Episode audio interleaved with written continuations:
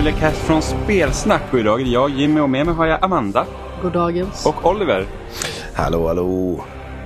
Och idag ska vi prata om God of War Ragnarök. Eh, som vi alla har klarat ut för en tid tillbaka och vi har liksom inte hunnit köra en spoilercast eh, på denna än, men nu är det dags. Som vi alla hörde så har vi också Kratos med oss idag. Ja, men precis. Kan vi få höra ett boy? Mm, boy. Ja, Be det är inte quiet, dåligt. Det nu är tyst liksom. Det Ja, jag som är huvudet här? Mm. Nej, Nej, men, men, han eh, kallar faktiskt inte Mimir för huvud i det här spelet. Nej, det gör han faktiskt inte. Det, det, det, ju- Kratos har gjort stora framsteg eh, under de här eh, fyra åren sedan vi senast fick eh, träffa honom och eh, ja, hans nordisk mytologikompisar. Det kan man lugnt säga att han gjort. Eh, och, Låter som några som han har studerat på universitetet. ja, men precis. Kratos, Hans nordisk Mm. mytologikompisar. lite så här, eh, han fick sitt uppförandebetyg. Det var det enda som behövde förbättras. Liksom. Han var grym på idrott. Eh, men vi har ju vi har ju pratat ganska mycket om God of War Ragnarök redan. Eh, även om alla var ju otroligt chockade över att Oliver inte valde som årets spel.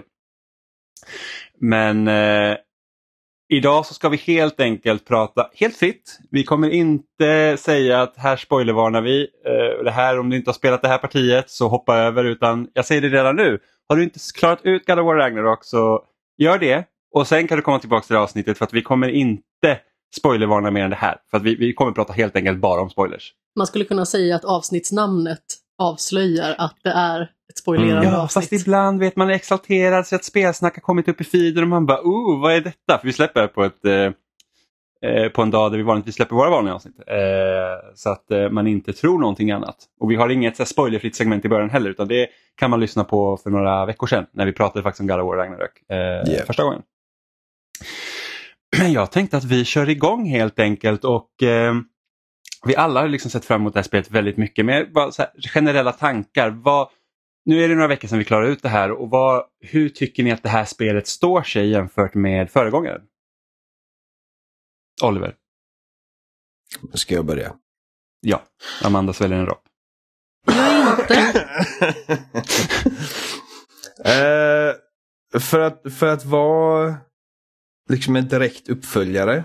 För att förra spelet har ju liksom till sin fördel då att det var väldigt nytt, väldigt, en väldigt liksom eh, intressant riktning för, för den serien.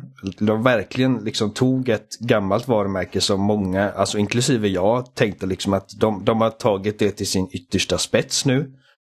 Um, och blåste nytt liv i det och, och gjorde det mer moget. Uh, jag menar, eh, God of War har alltid varit väldigt vuxet liksom. Eh, väldigt R-rated. Eh, men, men det har inte alltid varit det mest mogna spelet och det är väl det jag tror att distinktionen är. Eh, detta var ett lite mer återhållsamt spel eh, på många sätt som man inte förväntar sig och den upplevelsen ehm, det, det gjorde ju verkligen ett avtryck. Liksom. Inte Mm. bara för mig utan för, för liksom, i hela industrin. Det är, liksom, det är ett sånt spel som, som, som folk pratade om. Inte bara liksom under den veckan som, som det släpptes utan det, liksom, man pratar fortfarande om det spelet. Mm. Och man tog en karaktär som, alltså man tog en karaktär som inte var Alltså, jag kan inte säga, jag kan inte säkert inte vara många som tyckte att Kratos var liksom så här A plus karaktär. Liksom. Han var arg och skitdryg och han liksom sparkade gudar på käften. Han, var, han är ju mer ikonisk än vad han är liksom eh, en, En bra karaktär. En, en tredimensionell djup karaktär. Mm. Ehm, jag vet att det finns folk på Youtube som har gjort st- stora essays om varför att uh, God of War alltid har varit djupt. Men, um, men ja. Uh, alltså, uh, han, han var arg och det var det som drev honom. liksom. Ehm, och jag vet att du och jag, liksom, när vi såg revealen av det spelet. Så tänkte vi att ah, det kanske är liksom en ny version av Kratos. Liksom. Alltså Mm. att det, det är typ God of War in name. Eh, och att här är liksom en karaktär som, som delar eh, liksom, hur ska man säga, karaktärsdrag och sånt med gamla Kratos. Men det är den här mytologins version av Kratos. Men nej, Mm. det är samma karaktär och det, det hade varit lätt att göra, liksom att bara liksom dra ett streck över allting och bra från början. Uh, men de gjorde inte det, de tog med det bagaget och det gjorde det bättre i slutändan. Och, så, så att alltså, de hade, med Ragnarok hade de en uphill battle med att få detta att kännas lika, liksom att, att, att ha samma impact eftersom att det är oavsett hur stort, hur ambitiöst och hur liksom polerat och välregisserat det är. Så, så är det liksom mer av vad vi fick förra gången. Mm. Det jag skulle säga att de gör bra här, och det var något som bara slog mig när vi jämförde med förra spelet, det är det att första spelet var väldigt bra på, liksom, man tog Kratos som en gammal karaktär, man, man, man, eh, man gjorde ingen reboot av honom direkt. Och sen så tog man de lärdomarna eller de händelserna som man hade i, i de första spelen och sen så byggde man vidare på det här vilket gjorde att det fanns väldigt många liksom, känslomässiga bit som slog mycket hårdare för att vi vet vad det innebär. Och jag Exakt. tycker att på samma sätt gör de i Ragnarok men de tar det från förra spelet. Liksom att, att den resan vi fick se i 2018s God of War blir så himla mycket stärkt i det här spelet för att man vet eh, vad de här olika delarna innebär. Och även liksom hans, eh, hans hur ska man säga, grejer som hände i de gamla spelen. Som han nämner Kulaipi ja. vid namn i det här spelet. ja men ehm, precis. Så att uh, det, är, det är liksom de har gjort ett väldigt bra jobb med att göra Kratos till en karaktär som faktiskt reflekterar över hans situation och hur han hamnat här och de val han har gjort. Och att han är oerhört rädd för att göra om samma misstag. Och det, liksom, mm. det, det, det, det, går genom hela spelet. Liksom. Jag vet inte hur många gånger han säger att jag vill inte kriga mot gudarna. Liksom. Mm. Ja, det, det, det gör en ganska spännande liksom, konflikt i hela konflikten om man säger så. Liksom, att han, mm. han dras in i det helt och hållet. Men eh, Amanda, du som inte hade spelat de tidigare spelen. Hur kände du liksom inför, alltså både förra spelet och sen inför uppföljaren? Då? Jag tyckte inför förra spelet att de gjorde ett ganska så bra jobb med att få spelaren att förstå, även om man inte hade de andra spelen i bagaget, att det han har gått igenom har varit någonting som inte är liksom snyggt att ha på CVt. Liksom att det han lämnar bakom sig är bara skit. Och även att han var med om någonting hemskt så är det inte försvarbart att han har betett sig som han har gjort fram till den punkten att han flydde till Norden. Och det förstår man ju också när man får sina Blades of Chaos att de här betyder någonting för honom rent metaforiskt men också fysiskt. Det här är någonting som han vill lämna bakom sig, det är någonting som han gömt undan för att det är någonting som inte han vill ta tag i igen. Ja, verkligen. Så det betyder ju liksom väldigt mycket för honom i de här spelen också att ta upp dem igen, men nu använder han dem liksom i ett annat syfte, om man säger så. För att nu behövde han ju dem i mångt och mycket för att försvara sig själv och försvara sin son för att kunna bara utföra ett så enkelt uppdrag som att gå och sprida sin frus aska. Ganska så komplicerat att ta sig dit naturligtvis, och det är uppe på ett jäkla berg mitt i ingenstans. Men samtidigt så använder han dem av ett annat syfte än han har gjort tidigare. Och jag tror att det är därför mm. som han kanske kan behålla dem inledningsvis i det här spelet också, liksom, för att nu har de tjänat ett annat syfte än att bara göra ont. Det är liksom inte bara hämnd som vilar på det här vapnet nu, utan det är också eh, att vara en beskyddare och att se till att man inte beter sig på samma sätt en gång till. Han vill inte göra det här en gång till. Han vill inte vara liksom den här brutala krigaren som han en gång var. Han är det naturligtvis och han kommer aldrig sluta vara det. Men han kommer inte vara det på samma sätt och av samma orsak egentligen. Enda gången han i spelet liksom ryter ifrån på Freja är när hon säger bara håll käften och döda saker. Och han bara, jag tycker inte vara någons monster. Liksom, det är typ hans, det är hans liksom trigger, om man ska säga, när folk vill liksom att han ska vara ett monster för dem. Uh, Jag vet inte om ni minns det, men, men han säger någonting i stil med liksom, jag, jag, jag dödar ja, men, men bara, för, bara för att liksom skydda min familj och mina vänner. Ja, och det hände ju också när vi liksom allt nystades närmre och närmre liksom mot att trigga Ragnarök. Eh, med tanke på att det var det man försökte förhindra så länge. Eh, och man bara märkte att alla val man gör, alla, liksom, alla steg man tar, bara liksom, bara, spiralen bara går rakt ner eh, mot liksom att det ser ut att inte vara stoppbart eh, för hela kompaniet så att säga. Eh, men förra spelet hade ett väldigt tydligt liksom, mål redan från början. Det här med att okej, okay, Kratos fru har dött, Atreus mamma har dött, vi ska sprida hennes aska. Eh, här är det lite mer diffust i början med att Fimbulvinter är liksom igång och det är liksom startskottet egentligen för att världen ska liksom gå under och att lilla Ragnarök ska, ska starta. Och här är det inte lika självklart vad liksom målet med spelet är. Men vi vet i alla fall att Atreus efter eh, förra spelet och liksom börjar mer undra vart han kommer ifrån. Och det är ju mycket där som liksom första delen av spelet i alla fall grundar sig i att man liksom hänger på Atreus mer eller mindre. Och när vi pratade om det här spelet första gången så sa jag liksom att det här känns mer som en coming of age historia för Atreus. Eh, nu när jag har klarat ut spelet ska jag inte säga att det egentligen är, är lika mycket så även om delarna finns där men det är fortfarande i mångt och mycket Kratos berättelse, speciellt med vad spelet slutar. Eh, men jag undrar, hur känner ni liksom för det här spelets premiss att, liksom att okej, okay, men vi, världen håller på att gå under, vi håller på att försöka ta reda på vart Atreus är och sen till slut liksom handlar det om att vi ska försöka stoppa Ragnarök av något slag. Det skulle man väl egentligen kunna säga är ett väldigt tydligt mål. Det är inte så diffust. Man ja, vet tänkte, liksom att Ragnarök inte, är ja, på väg. Jo, jo, men det kommer inte från början. Och målet är ju inte från början att stoppa det. Nej, men samtidigt så vet man ju om man har läst lite om nordisk mytologi att Fimbulvinter är det som leder upp till Ragnarök. Och i och med att spelet också heter Ragnarök så vet vi att det är det som väntar oss egentligen. Jo, jo, men man hade ju kunnat göra det på ett annat sätt. Istället för att vi ska stoppa Ragnarök så ska vi säga att vi ska fly undan från Ragnarök. Hade det också kunnat vara, till exempel. Men då är ju fortfarande målet någonting som har med Ragnarök att göra. Jo, jo, så det, det, det finns liksom ju fortfarande där. Även att jag skulle säga att vägen dit är mer diffus. Ja, det, det, är inte, det är inte vi ska till det här berget liksom. Eh, men, men jag tycker absolut man kan säga att det är en coming of age story för Atreus. Jag tror att alltså, spelet gör ett ganska bra jobb med att göra det lika mycket till Atreus story som det är Kratos story.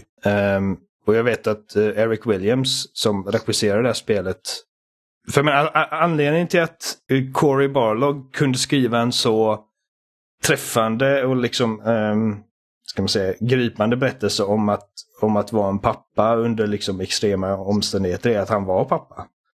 Och Eric Williams sa det att jag har inte den liksom, uh, upplevelsen, jag har inga barn. Däremot vet jag hur det är att vara en son. Liksom. Uh, mm. Så det var hans det var hans vinkel in i det.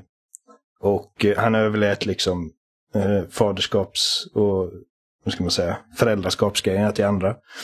Um, men ja, uh, Atreus har liksom en, en han, han hade ju stor roll i det förra spelet också givetvis, men han har en ännu större roll i det här spelet. Liksom mycket av det vilar enbart på hans axlar för att han är den som nästan genom hela spelet vet han mer om vad det är som händer och vad som förväntas eh, av gruppen än vad Kratos gör. Och eh, Kratos har liksom en, en replik liksom när han säger typ att vi bara följer alla dina liksom nyck och jag vet inte vad det betyder. Eh, men jag följer det ändå. För att det är liksom den tilliten de har liksom byggt till varandra. Och den testas givetvis genom spelet mer än ett par gånger eftersom att eh, Atreus är ganska tight-lipped. Och eh, Alltså han, att... han vet fortfarande inte hur han ska prata riktigt med Kratos för att eh, även om de har en bättre relation nu så ligger fortfarande det där gamla kvar. Ja, och det eh. kompliceras ju också av att liksom, när, han, när han kommer till Jotunheim så lovar han Angerbode att aldrig nämna den platsen eller henne. Så han kan inte förklara för Kratos när han kommer tillbaka vart han har varit. Uh, och uh... Men det spär ju också på med tanke på att då litar inte han på Kratos tillräckligt mycket. Alltså liksom att det blir, inte för att Atreus inte litar på Kratos, men att Kratos kanske känner att Atreus inte litar på honom tillräckligt mycket för att kunna liksom säga vad det är för någonting Precis. ändå. Precis. Alltså i slutändan så Kratos har ju sett den här profetian om att han inte kommer överleva det här händelseförloppet. Och den lilla biten av information får ju Atreus typ en tredjedel in ungefär också. Och det stressar ju sönder honom och han, så, så att bo, liksom, det Kratos jobbar emot till 100% är att Atreus ska klara sig igenom detta. Och Atreus jobbar 100% på att min pappa måste klara detta. Mm.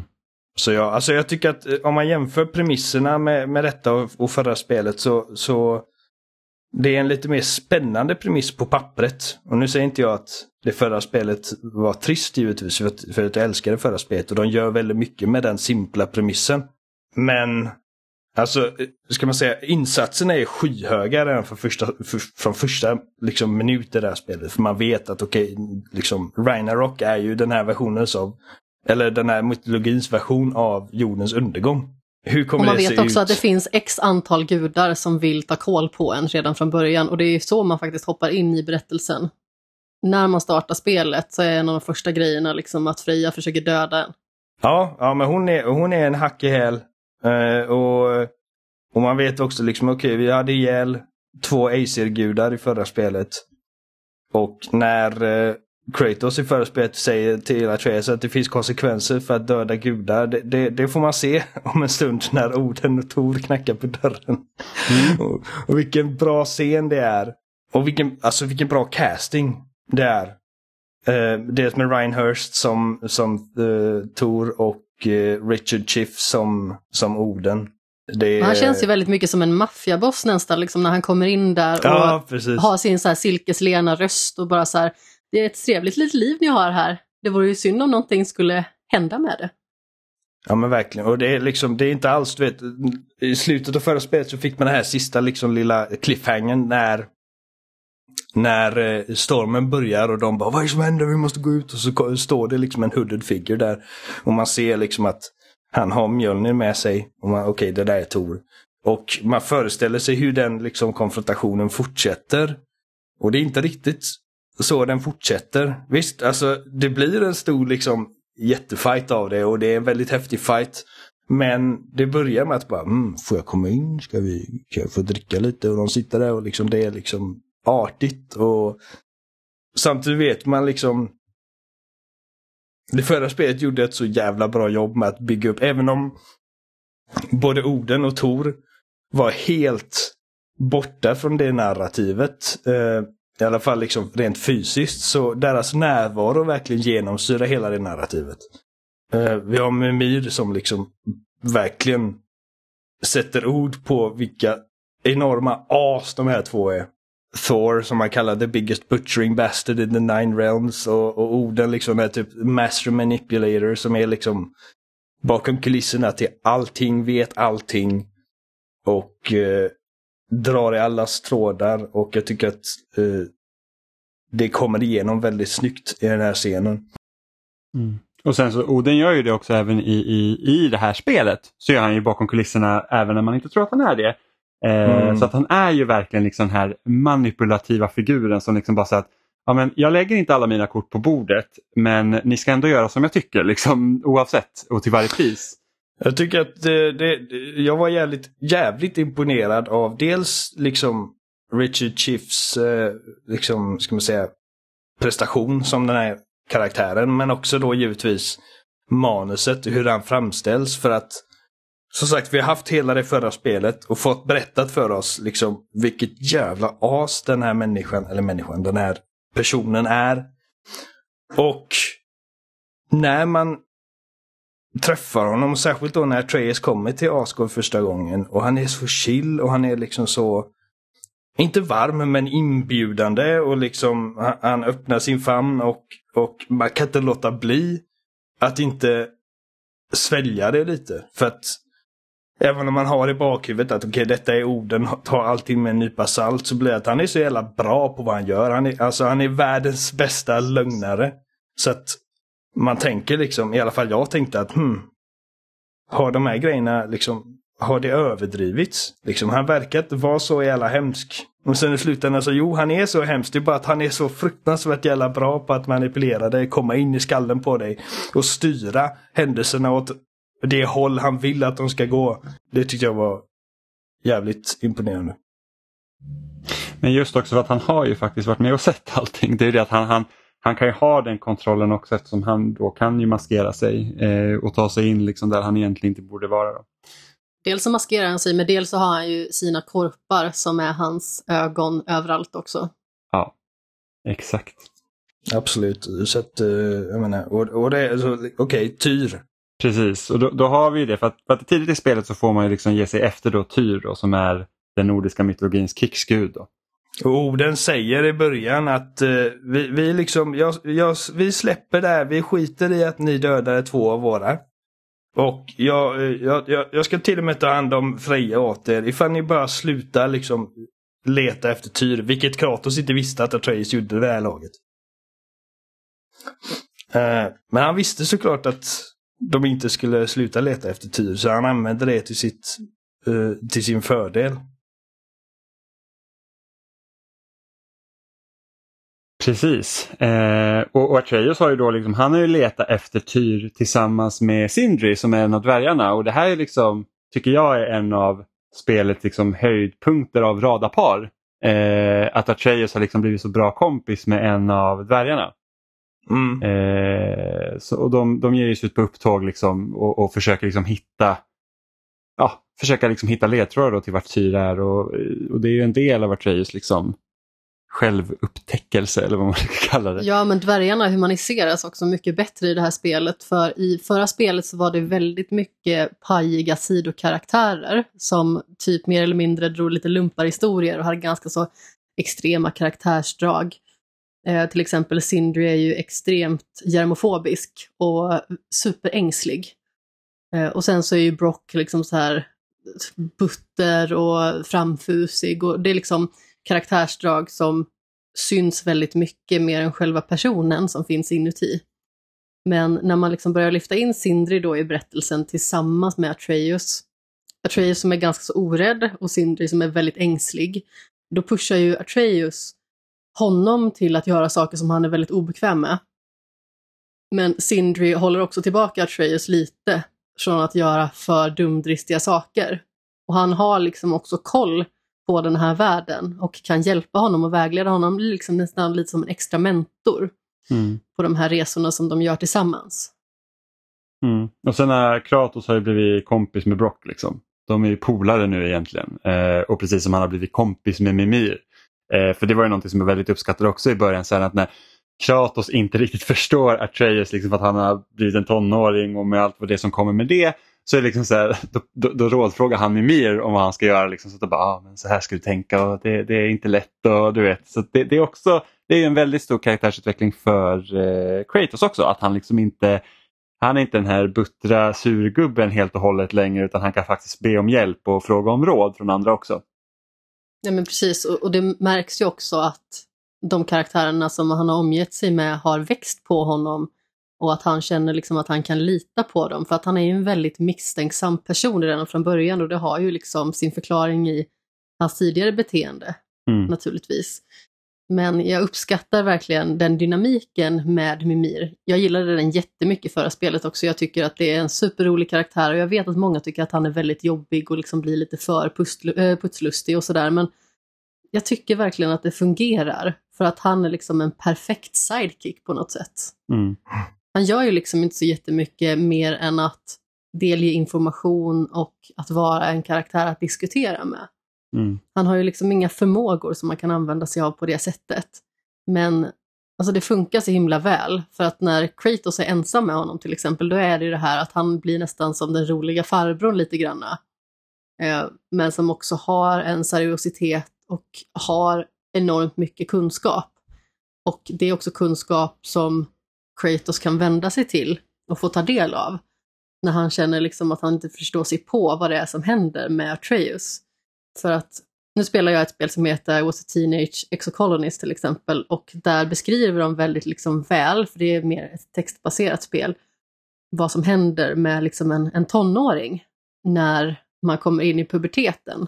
För att där spelar man liksom från att man är 10 till 20. Det är liksom huvudspelet.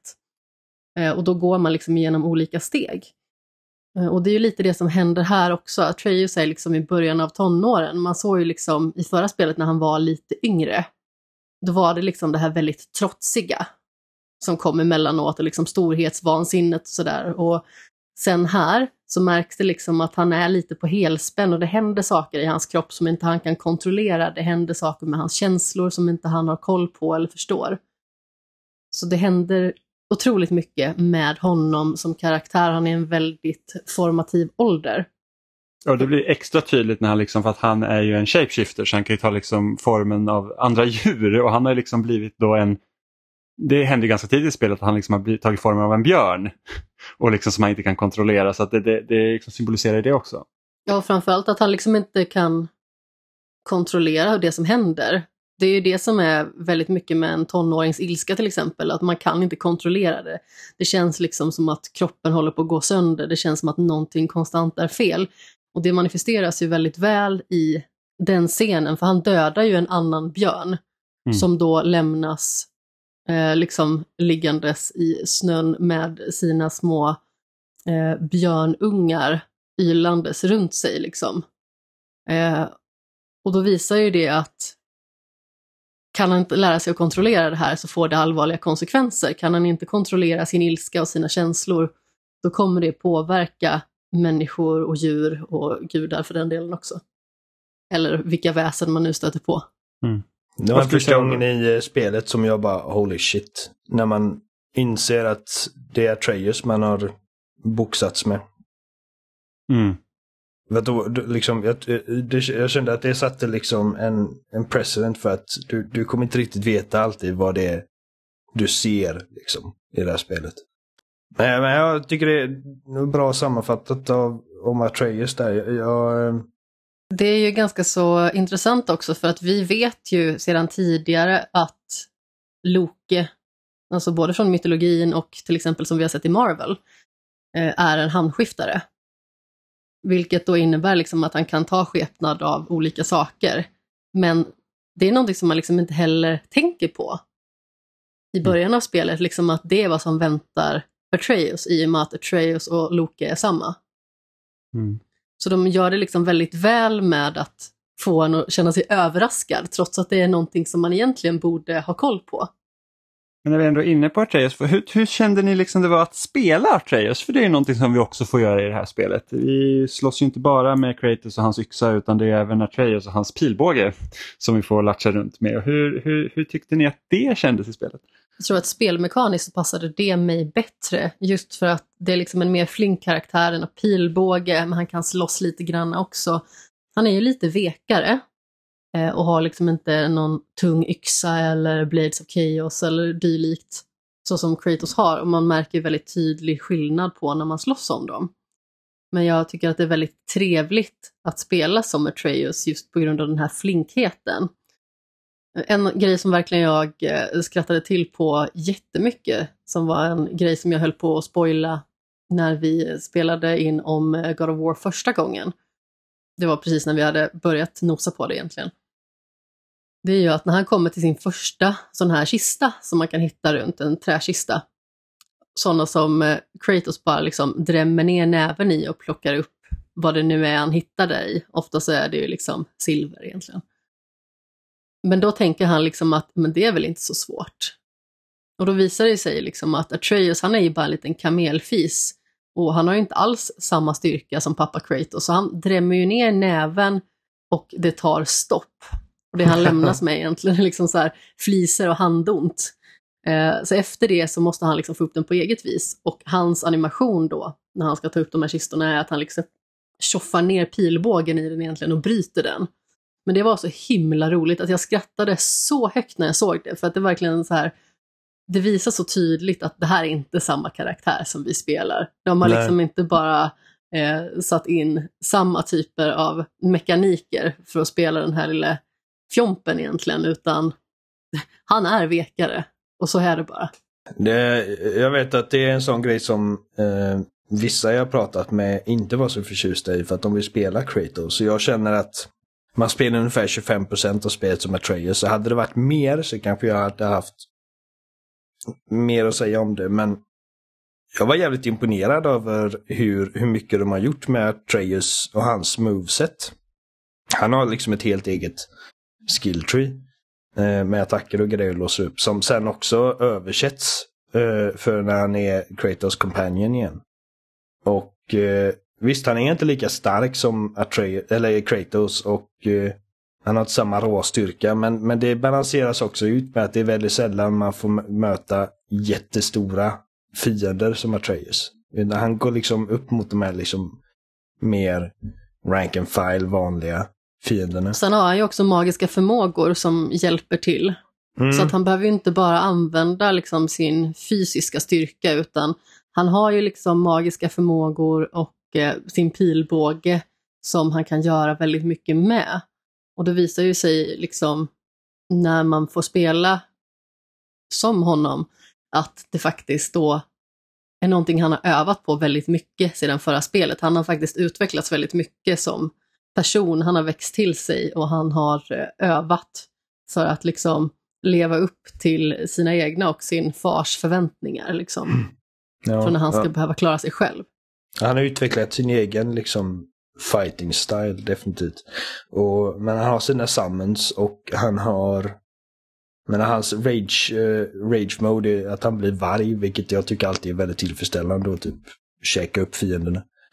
Ehm, Absolut, jag älskar det också. Nej, så jag, jag blev eh, positivt överraskad. Jag känner liksom att första gången jag får spela honom så tänker jag, Åh, jag vet inte riktigt vad jag känner över detta.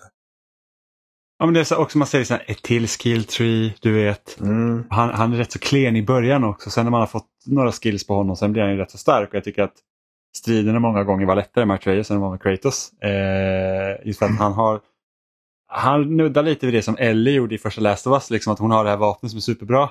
Jag tyckte att tjejers förmåga gjorde också att ah, men striderna blir oftast inga problem eh, på grund av det. Att man kunde liksom jag ska inte säga att man kan liksom fuska sig igenom dem, men det är så att jag använder den här förmågan för att den gör så att ah, man cancelar ut någon fiende eller någonting sånt och då kan man liksom bara eh, mörsa på. Då. Eh, och jag tror att det är rätt så smart att göra så också så att man inte så att här är en lite vekare karaktär så helt plötsligt blir det jättesvårt bara för att visa att ja, Atreus har lite problem med fiender. Utan det, är liksom, det ska ju vara en bra eh, övergång tänker jag mellan karaktärerna. Och han, och han har ju också, enligt mig, en av de liksom läbbigaste bossarna i spelet när man går upp mot Angerbodas mormor eller om det är farmor.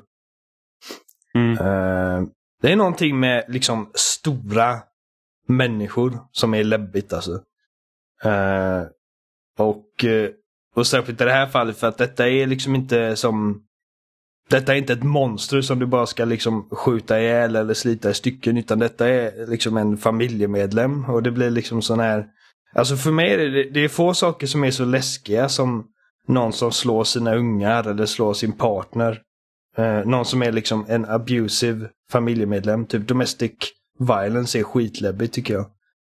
Och eh, de fångar det lite här liksom att det, det, när man går upp mot en sån motståndare så är inte svaret liksom bara att ah, men, vi är slarvsylta av henne. Ehm, så att eh, jag tyckte det var en jävligt cool konfrontation. Mm. Men vad tycker ni om Angry då? När vi ändå är inne på området. Jag gillar Angry Buddha väldigt mycket. Jag tycker det, det var jävligt kul att se liksom deras resa ihop för man vet liksom Ifall man vet vem Angry Buddha är så hon ska ju liksom i princip vara Inte Lokes fru men liksom den som, som tillsammans med Loke Får barn eh, och gör Hans ligg. Ja, precis. Hans ligger. Eh, nej, men de två tillsammans får ju ormen. Jag tror att de, de får väl eh, eh, Fenrir också i, i mytologin tror jag. Ja, Eh, tror det. Så att, eh, jag tyckte det var intressant att se liksom hur För jag visste liksom att de kommer inte göra liksom att de här två blir kära och sen liksom eh, eh, nuppar och sen får en orm. Utan de eh, behöver, kommer vara lite kreativa och det tycker jag att de gjorde ett jävligt bra jobb med att liksom att få de här bitarna att falla på plats till att liksom ta den här mytologin dit den i slutändan behöver hamna fast på ett mer kreativt sätt. familjevänligt sätt. Ja. Att de får en orm, det låter ju nästan lite som när jag har råkat drömma någon gång att jag var gravid och sedan så visade det sig att det var en katt. Det, Och det är det, så här, första steget till att bli crazy cat lady. ja, det låter inte alls eh, konstigt för dig. Med tanke på, på, på hur mycket du älskar katter. Katter är bäst. Ja, tydligen. Nej, men så när man ser när ormen hänger där liksom och den, den har ingen själ och man bara ah, det är så det kommer gå till. Och en av, en av höjdpunkterna eh, för mig också är när man går upp mot eh, Garm som är den här stora jävla liksom onda liksom själlösa besten i form av en jättevarg i Hell. Eh, och eh, hur de bygger upp det här liksom att, att Atreus vill verkligen liksom försöka få det, liksom alltså neutralisera hotet som Garm presenterar utan att behöva döda den. För att han, han, han är en djurvän liksom. Han, eller, han, han gillar allt levande i princip. Mm. Och, eh, och man har det här i bakhuvudet också för att Fenrir dör i början av spelet i en väldigt känslosam scen. Men samtidigt så vet man liksom att Fenrir i, i mytologin oftast liksom eh, visas upp som en sån här jättestor varg. Så man tänker liksom hur ska det här liksom spela in i vad vi redan känner till om mytologin. Eh, och Kratos säger liksom att alltså, vi, vi försöker ditt sätt och om inte det funkar så gör vi det mitt sätt för att det, vi kan inte låta den här springa runt och göra vad den vill. Och de dödar den ett par gånger men den kommer bara tillbaka och jag älskar hur för att när man såg trailern till förra spelet och man såg World Serpent komma. Första gången man ser den så ser man bara liksom hur den slingar sig genom bak, liksom bakgrundslandskapet. Man ser inte ansiktet på den, man bara ser liksom att det är något enormt som rör sig fram där i bakgrunden.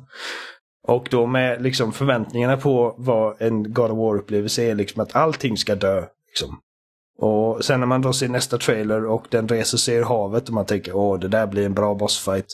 Och så är det inte så, det är liksom en snäll, orm. Och eh, jag tycker att det var väldigt oväntat men också uppfriskande liksom sätt att hantera olika Ja men alltså att, att det, hade, det hade mer liksom eh, mer djup än bara liksom att allting som ser läskigt ut är ondskefullt och ska dö. Liksom. Och eh, hur de löser Garm-fighten med att liksom låta Atreus ta då han inser liksom att han har en bit av eh, Fenris själ i sin dolk och liksom överför den till, till Garm. Vilket i princip gör att Fenrir återkommer som den här enorma vargen. Och Kratos säger sitt och den bara sätter sig ner med typ ett liksom earthquake-duns. Um, väldigt roligt. Väldigt kreativt. Jag blev så himla glad när Fenrir kom tillbaka liksom.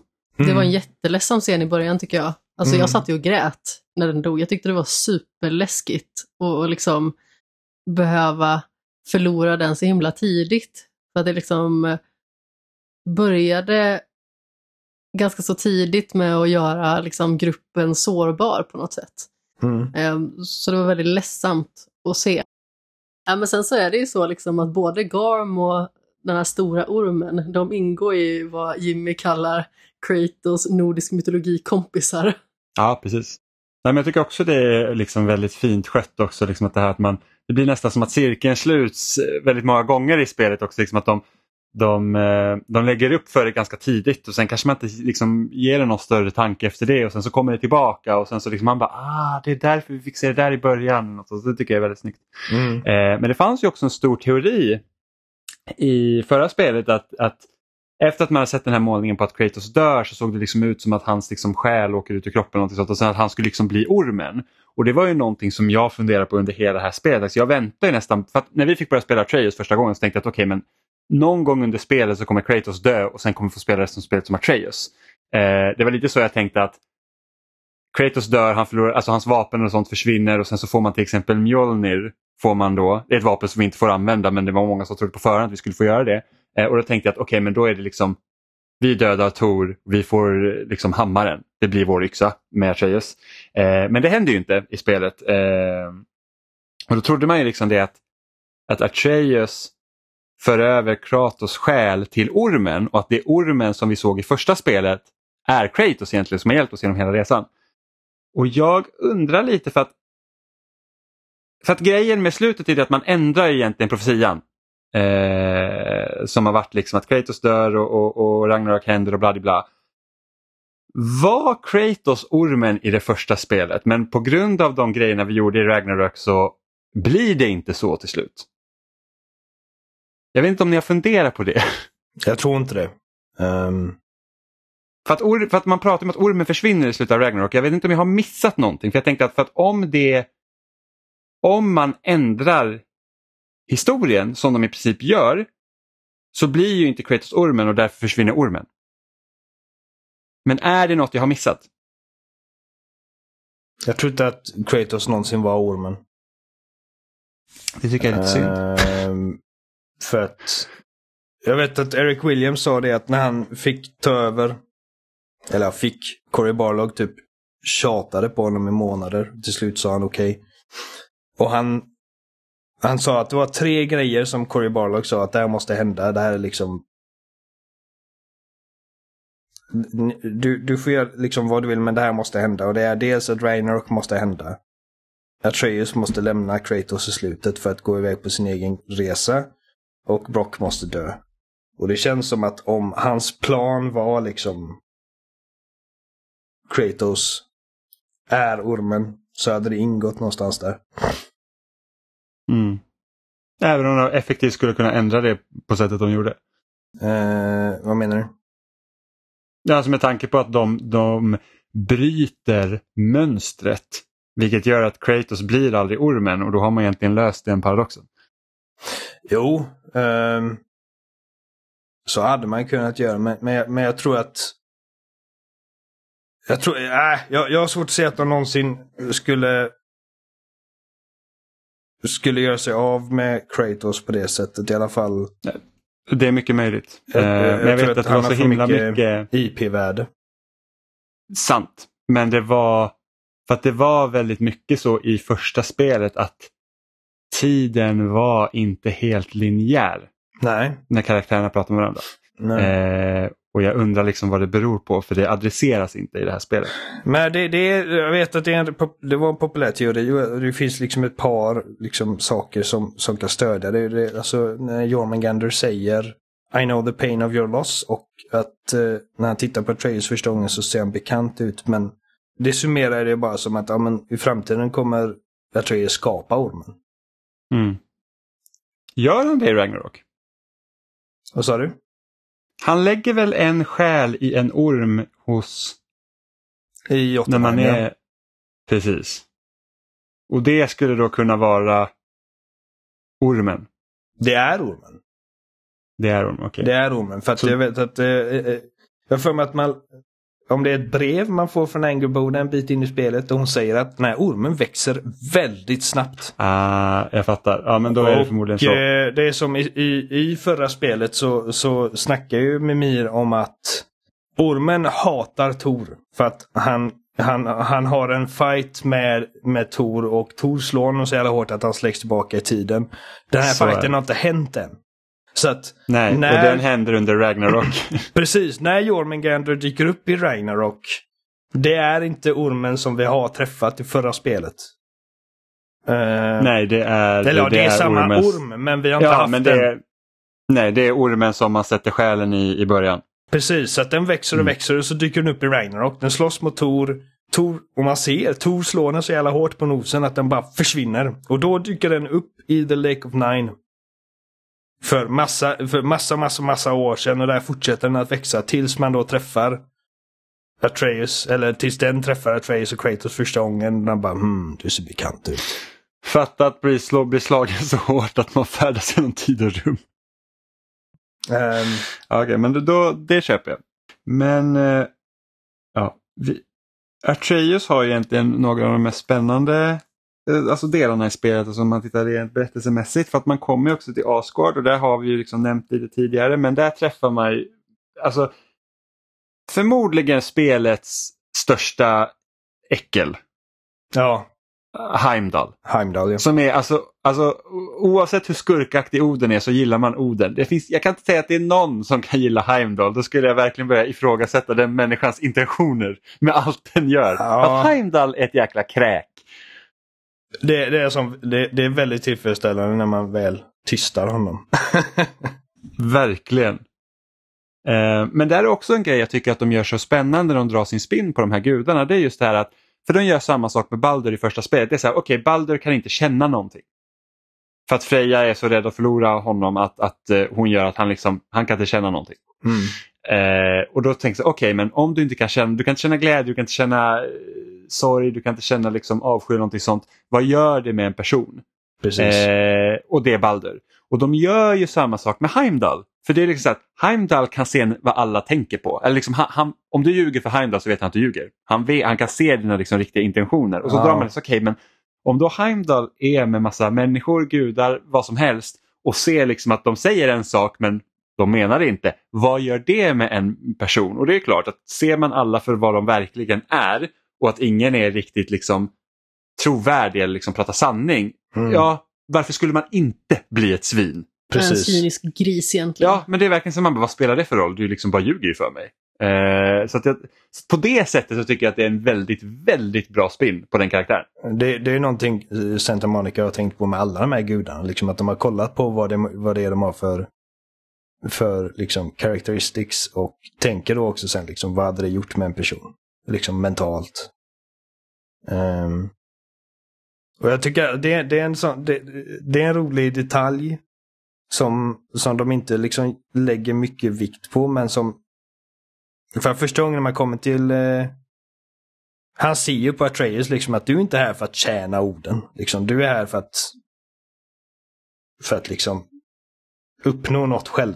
Så han, man börjar slåss med honom och man kan ju inte, liksom, man kan inte landa ett enda slag på honom. Till slut så är det Tor som dyker upp och sätter stopp för det. Mm.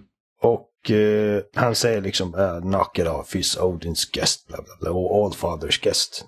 Och, eh, och han säger eh, Ja, vad ska, du, vad ska du göra åt det då, säger han till Tor. Och Tor bara går fram till honom, tittar ner på honom och bara Look into my eyes and tell me.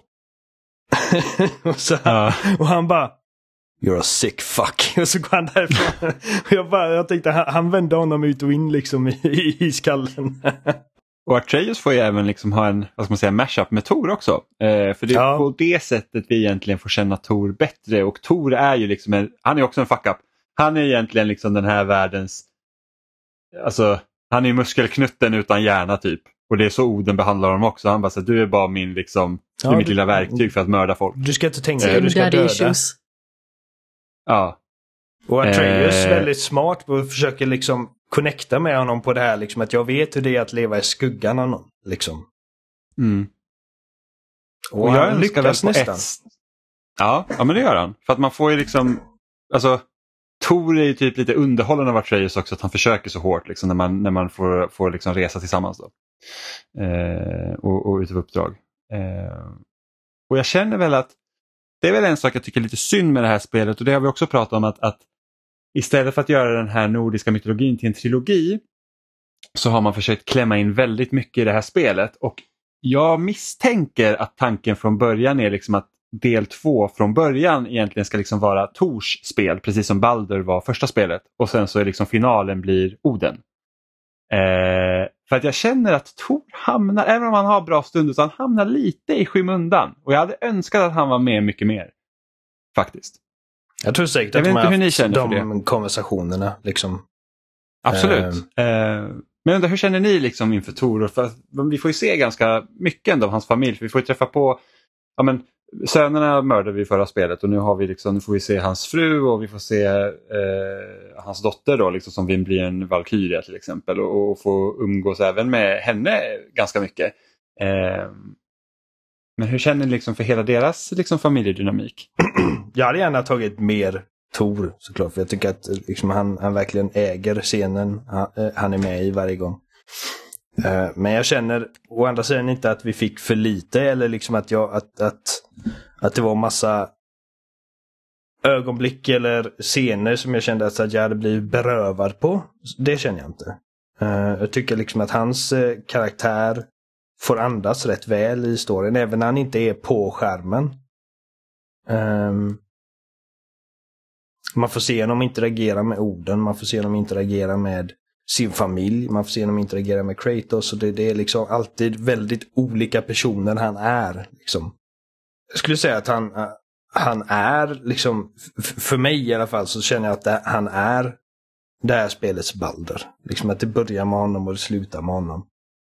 Och eh, det, det slutar på ett väldigt annorlunda sätt. Men, men jag känner mig absolut nöjd med vad vi fick se av honom. Jag tycker att eh, de, de liksom flashar ut den karaktären väldigt snyggt. Mm. Jag, känner, jag känner att han liksom hamnar lite i skymundan för att jag ska liksom bry mig tillräckligt mycket liksom hans familj och hans livsöde. Liksom. Sen tycker jag i och för sig att slutstriden med honom är väldigt bra mellan han och Kratos och Kratos liksom hela tiden försöker liksom att alltså, du behöver liksom inte för att då, då, då, dundrar de in det här mantrat då de för, liksom gjorde i förra spelet, här med att okay, vi, vi liksom, alltså, vår generation måste vara bättre så att våra barn kan bli bättre. Ja. Och liksom så att vi hela tiden strävar efter att näst, den kommande generationen ska ha det bättre och liksom egentligen vara mer progressiv åt det hållet att vi liksom vi måste kämpa för att världen ska vara en bättre plats egentligen. Eh, och, och det blir väldigt tydligt här med att Kratos och Tor är ändå relativt lika varandra men Kratos har bara kommit lite längre på sin resa om man ska säga så. Eh, och att liksom verkligen ändra in det här att du, du behöver liksom inte göra vad Oden säger åt dig om du inte vill. Och Tor säger också där mot slutet att jag har gjort, vet du vad jag har gjort? Liksom. För att han, han tycker liksom att han inte är värd ehm, en ny chans. Mm. Kratos liksom, bara, jag, jag vet vad jag har gjort. liksom. Ja, jo, man, man vet mycket väl vad Kratos har gjort. Ja, precis. Men, men, men jag står här nu och jag, jag liksom sträcker ut en hand. liksom. Det är inte omöjligt. Det, det är aldrig för sent. Eh, och tyvärr så hinner han inte riktigt så långt i sin utveckling, Tor, innan hans pappa kommer och sätter stopp för det. Mm. Jag, jag, jag, känner mig, jag känner mig nöjd med Tors eh, liksom, characterization i spelet. Jag Mm. eh, tycker att jag nästan... För att orden blir liksom den sista bossen och det var någonting jag inte förväntade mig eftersom att liksom man inte riktigt fått höra så mycket om orden som krigare.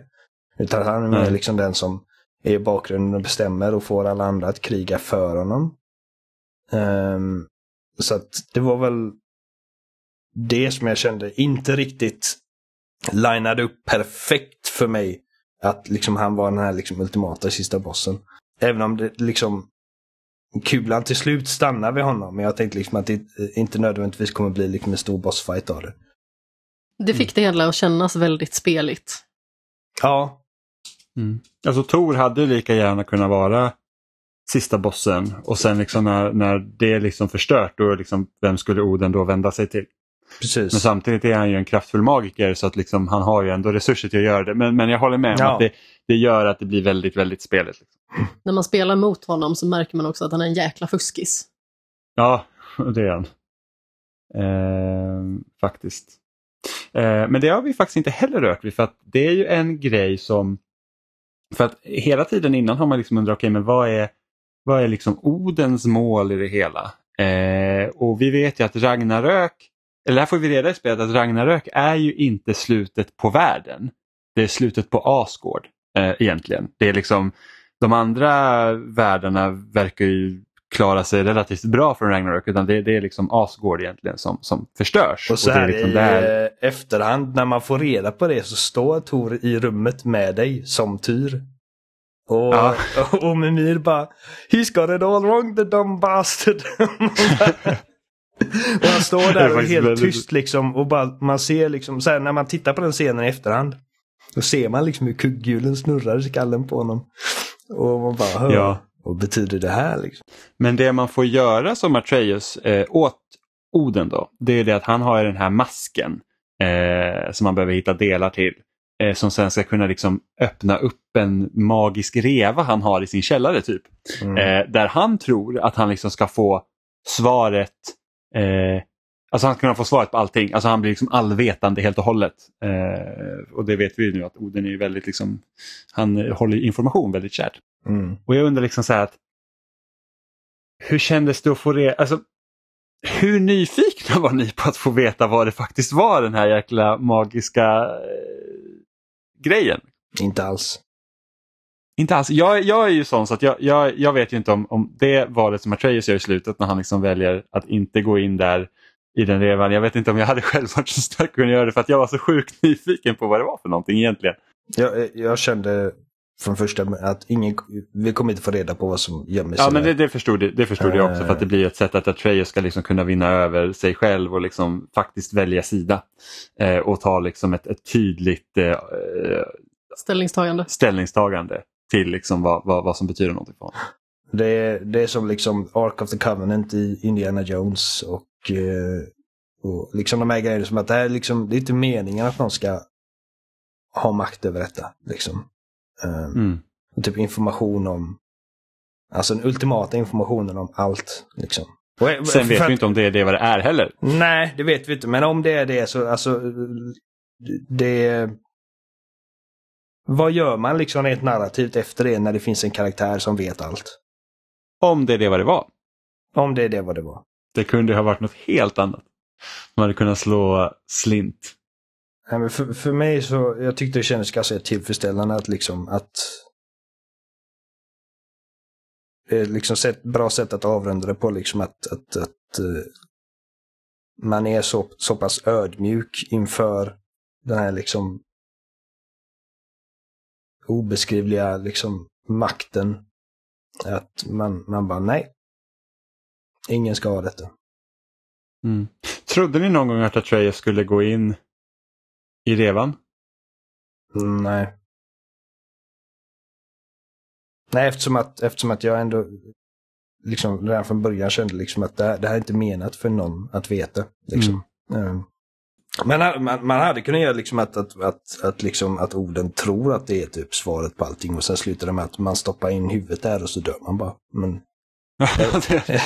jag vet inte hur. Så ka kasta Intressant. masken till Oden, han bara stoppar in huvudet och bara tjopp, den bara stängs på Ja, honom. bara, ja, det var det. Sen hade man kunnat göra ett jättedåligt uh, uppföljarspel där Oden kommer tillbaka som ett flygande huvud och typ, ja.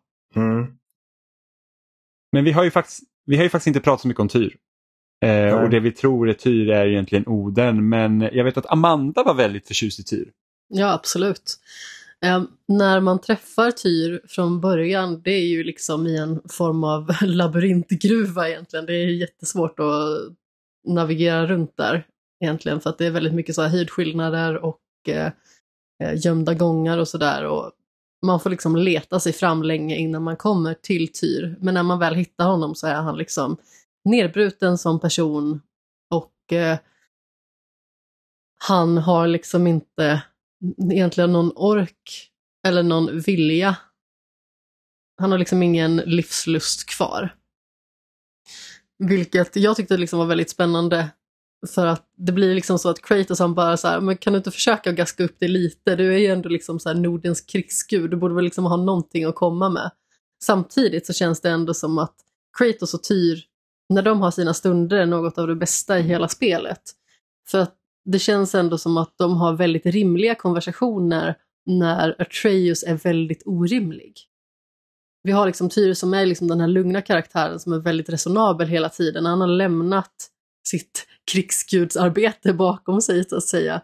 Han vill inte vara den personen längre. Kratos har också lämnat det bakom sig. De har gjort det på väldigt olika sätt. Men de liksom kan mötas på något sätt i det. Och det är det som gör en så otroligt chockad. När det liksom visar sig då att man har gått i ett halvt spel egentligen. Och liksom litat på den här karaktären. Och sen så börjar han komma med lite mer orimliga saker. Man bara så här, han har säkert någon tanke med det. För man tycker ju liksom att det är en pålitlig karaktär. Det är någon som man väldigt gärna vill ha i sin grupp. Eh, och som är väldigt tongivande. Och sen så visar det sig liksom att det är orden som har varit förklädd till Tyr hela tiden. Och Tyr sitter egentligen och trycker någon helt annanstans. Jag satt och gapade liksom med hakan i golvet när det hände. Och jag älskar att det är Brock som ser igenom honom. Mm. Inte liksom Freja i sin oändliga visdom eller Mimin med sin enorma hjärna utan Brock med hans bara mm, You don't smell right to me. What's this with you calling him Loki? This doesn't sit right with me and my nutsack. Hans bollkänsla. Ja. Ja, precis. Han har bollkänslan. Vi, vi, har, vi har pratat om hur, hur liksom Sindri har utvecklats som karaktär men det, liksom, även Brock får mycket Mm. att göra i det här spelet. Och det är liksom särskilt då när det kommer till när man ska återvända till, eh, till Svartalfheim för att liksom smida det här vapnet som, som man ska besegra Heimdall med. Och jag tycker det är en väldigt fin scen. För att han, liksom, de bygger upp så mycket till liksom, mötet med den här, liksom, eh, ska man, sjöjungfrun som ska bygga det här vapnet. Och liksom, han ser upp till henne, hon är liksom den ultimata i Smeden. hans, ja, i hans hantverk. Liksom. Och eh, ser fram emot att träffa henne och han får inte träffa henne och liksom får inse liksom, fuck jag är död. Och hur då Kratos vänder på det och får Brock att känna sig speciell igen. Genom att jag, Mm. jag vill att du ska välsigna det här vapnet liksom. Och använda hans egen visdom mot honom liksom. Det, it's not the, the form of a thing, it's the nature of a thing.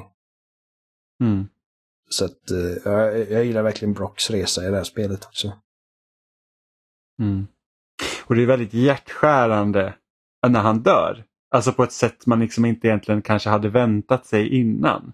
Ja, Eh, absolut. Och speciellt vad det gör med Sindri. För att Sindri går från att vara den här neurotisk och liksom så här hjälp bakterier till att liksom typ, alltså han ändras ju helt. Blir liksom iskall och liksom bara så att mitt liv har vänt upp och ner. Ja. Ja, men precis. För Brock har ju liksom varit allting för honom egentligen tidigare. Och det får man ju också lära sig i det här spelet, att Brock har dött en gång tidigare, men det vet inte han om. Mm. För Och det är att därför han är Sindri- blå. Ja, Det är ju det, vi får ju höra en helt annan eh, eh, anledning till att han är blå i första spelet. Det är för att han har varit nere i någon gruva och liksom stått med den här jävla metallen hur länge som helst. Då har han liksom fått pigment på huden, men det stämmer inte. Han är ju blå för att han egentligen inte är levande. Eller han är inte Precis. levande som man ska vara levande. nej, för att han har blivit återupplivad för att eh, Sindri kunde inte leva med att han dog. Så att då sa han till liksom att han blev återbringad tillbaka till livet. Eh, och det blir ju extra hårt då för Sindri för att han liksom känner ju att jag har gjort allt för att hålla den här personen vid liv och nu dör han i alla fall. Allting var förgäves. Och, och, och också det att eftersom när han tog tillbaks Brock till liv så fick han inte med sig hela hans själ. Och vilket gör att när han dör igen så kommer han liksom inte komma då till om han kommer Någonstans. till Valhalla de här också. Nej precis, han, är liksom, han förintas. Han finns liksom inte kvar i någon form alls. Eh, vilket såklart tynger ner Sindri jätte- jättemycket.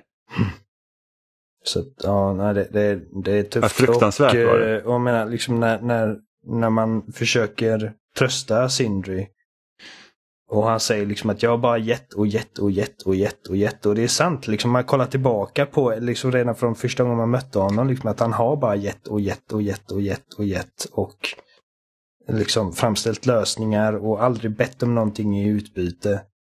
Och så försvann det enda som betydde någonting för honom. Det, det, Mm. det är hemskt. Och att det liksom, det, det slutar inte med att de blir sams. Liksom. Nej. Nej, det är väldigt starkt faktiskt att det slutar med att han förlåter inte dem för det som har hänt. Liksom. Det, det går aldrig att reparera den skadan. Och jag gillar det. För att Mm. det är liksom, det, det, det slutar inte alltid lyckligt för alla. Nej, nej, men precis. Det sätter i alla fall en ton av eh, alltså, emotionell realism på något sätt. Liksom, Mm. att det här är någonting som man absolut inte kan göra någonting åt. Det går liksom inte att väcka honom till liv igen. För att nu är det kört. Mm. Men sen också det att när man får se när man går då till Brocks begravning sen och liksom Sindri är fortfarande sur på en såklart. Eh, är ju liksom det också att det spelar ingen roll att han inte tycker om oss längre. Men om han väl bestämmer sig liksom för att komma tillbaka då är vi här för honom. Mm. Det tycker jag också är väldigt fint för det är så att vi vet att vi har gjort fel och vi förstår varför Sindri känner som han gör. Men när han är redo, om han någonsin blir redo, då är vi här. Liksom. Mm. Eh, och det tycker jag också är så himla fint. Eh, och det visar ju också liksom vilken resa Kratos har gjort som karaktär. Eh, att han verkligen liksom, det är inte bara så att ah, ja men fuck Sindri då liksom, utan det är verkligen så att okej men we fucked up. Eh, Precis, den här personen är fortfarande våran familj. mm, Och som familj så är det liksom bara att ge tid och om den personen väljer att komma tillbaka så kommer vi liksom finnas där. mm, Men det som också är väldigt sorgligt när Brock dör, det är ju att Sindri och Brock är ju liksom inte helt 100% mot varandra, för Brock har ju fått reda på att han har Ja. väckts till liv eh, och känner liksom att det var inte Sindris val att göra. Jag dog och du lät inte mig bestämma att det skulle vara definitivt för mig. mm. Han säger ju i alla fall tack och lov att jag förlåter dig precis innan han dör. Det hade varit jävligt jobbigt om han sa you fucking bastard och så dör han. Men ja, eh, ja nej, det, det, det är tufft. Och de får liksom inte prata om det. liksom. Nej. Han får, han får reda på det men han, men han liksom konfronterar aldrig Sindre över det. Så att det liksom lämnas oupplöst. Men, och det ligger eh, där liksom och kokar i bakgrunden. Mm. Jag trodde nästan att vi skulle få typ ett sidouppdrag eller någonting, att vi skulle ge oss efter den här lilla, lilla delen av Brocks själ som fortfarande fanns kvar någonstans. Eh, och att det, de skulle göra en större grej av det. Mm. Men det var innan jag visste att Brock skulle dö då.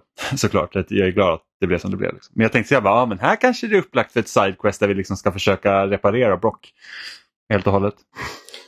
Du nämnde ju det att uh, detta är liksom Kratos resa, liksom att, att finnas där för folk. Um, att han har gått från den här personen som, om, om det är någon i hans väg så vänder man honom ut och in.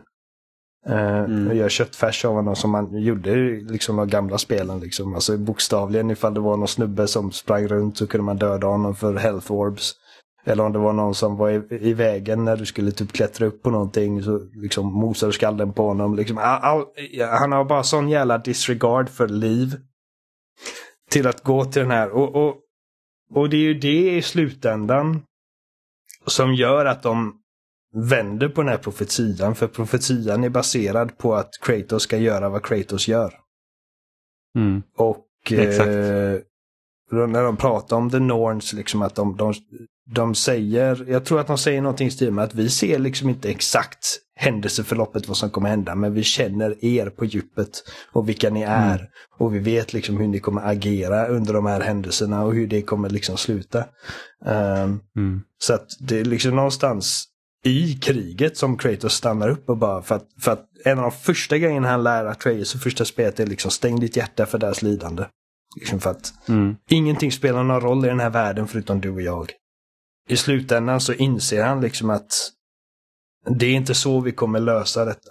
Liksom att öppna ditt hjärta för, för deras lidande. Och liksom de här människorna då som är i vilket först liksom när man kommer till Asgård och man ser att det är massa människor. De bara, ja ah, men han har öppnat upp eh, liksom deras värld för oss att vi ska liksom överleva Fimbulwinter. Men sen inser man att det är ju bara för att de ska vara en sköld. när kriget ja. börjar. Uh, ytterligare liksom. Människobyn. Ytterligare en aspekt av uh, ordens jävla manipulation. Och att det, det, är så de liksom undgår det här liksom ödet som, som var utskrivet för dem i de här målningarna. Uh, inte för att mm. liksom storyn bara bestämde sig för att äh, vi struntar i detta. Utan liksom det, det, det finns liksom tanke bakom det. Och det, mm. det får mig att tänka på, alltså vad tyckte ni om Faye? Det var första gången jag fick se Faye i det här spelet. Ja, jag, jag tyckte det var rätt så kul att få se Faye eh, faktiskt. Och få liksom se deras liksom relation. Man fick inte se deras relation utveckla sig till någonting för att jag har fortfarande svårt att förstå vad, vad hon gillade i Kratos för att han bara grymtar. Han bara ur, ur. Eh, kanske en jävel i bingen. Ja men jag tänkte det, hon bara muskler och sen så bara lite Rajtan Titan där på sidan av. Och sen så Med tanke på vad man hör men, om henne så känns det som, inte som att hon behöver en man att göra hennes liksom muskeljobb. När man Nej. får höra om hennes fight med Tor i kraten. Ja men precis, men jag tyckte det, det för det var någonting jag vet att vi pratade om i förra spelet. Jag hade gärna kanske fått se någon flashback där också och få se Faye. Eh, och liksom eh, vad var hon för person? Eh, och det tycker jag ändå att vi fick se lite av i det här spelet och det tyckte jag var, eh, jag tyckte det var bra. Fast jag gillar ändå att man inte får se henne i förra spelet för ja, då är det liksom bara deras minne av henne och den bilden som de har målat upp som vi får ta del av. Vi får liksom inte bilda oss någon egen uppfattning för det är liksom deras sätt att idolisera henne som vi exponeras för. Exakt. Mm. Uh, ja men det köper jag. Jag gillar det i första spelet men, men det var också så liksom att de största frågorna jag hade om eh, efter att ha spelat det förra spelet var liksom jag, jag vill veta mer om Faye. Liksom. Mm. Och jag var glad över att få se henne. Även om jag blev lite förvånad över hur tidigt vi fick se henne. För att jag tror att det är tre flashbacks vi får se. Ja. Det var väldigt roligt för att jag bara så här, ser ut som hon i True Blood. Ja, för mig var det, ja, det är hon i Daredevil. Deborah Ann Wolf. Ja, men precis. Och, och, och, Exakt. och det är typ den enda grejen som jag bara, ah, jag kan inte liksom koppla bort Karen från Dead för att det är typ liksom den största anledningen till att bara den serien Fucking inte fungerar för mig. Jag hatar Karen i den serien. Att, och, och jag bara nej. Det var, det var... Alltså du hatar henne? Ja, alltså jag hatar inte skådespelerskan. Jag bara tycker inte om hennes karaktärer där. För att hon bara... Jag tycker ju kompisen är värre i så fall, vad han nu heter. Foggy, ja okej, men Karen och Foggy, de två liksom. Alltså Foggy är värdelös också.